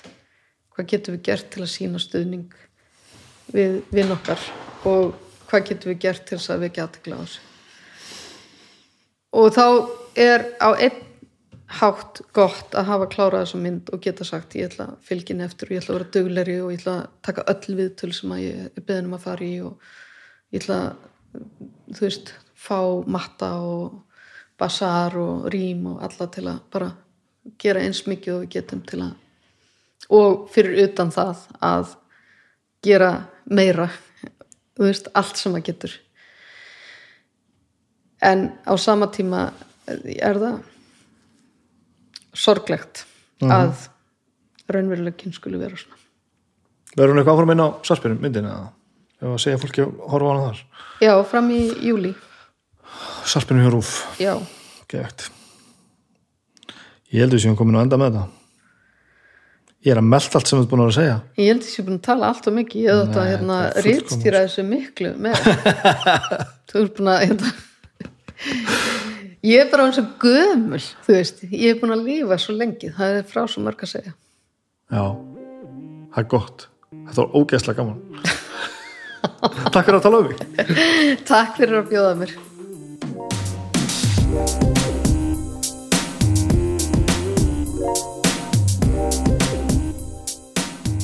Þar hafið það, þið getið farið að skráða ykkur bara loðbendi í, í, í náma bifröst og tekið skapandi greinar eh, föstum tökum. Þetta er, þetta er alveg spennandi. Ég eftir að, um, ég eftir að skoða þetta held ég. Hvort, ég ætla svo sem ekki kannski reikna ekki með að gera einhverja stórkustlega um, eitthvað stórkustlega mikið úr því að fara í, í, í nám nákvæmlega núna þessa, þessi missir en ég viðurkenni hann og ég er nú svona ég hef nú fletti upp hvar ég geti lært og hvað svona á síðustu vikum. Ég finna að ég er svona aðeins farin að svona pæli því hvernig ég geti menta með þess það er ekki alveg komið að bæði þarf ég aðeins að, að ég þarf aðeins að koma börnunum mínu lengra og ég, líður, líður aðeins svo vel í þeim verkefnum sem ég er að vinna og ég hef bara ekki fleiri stundur í, klukk, klukkstundur í, í sólarhringnum.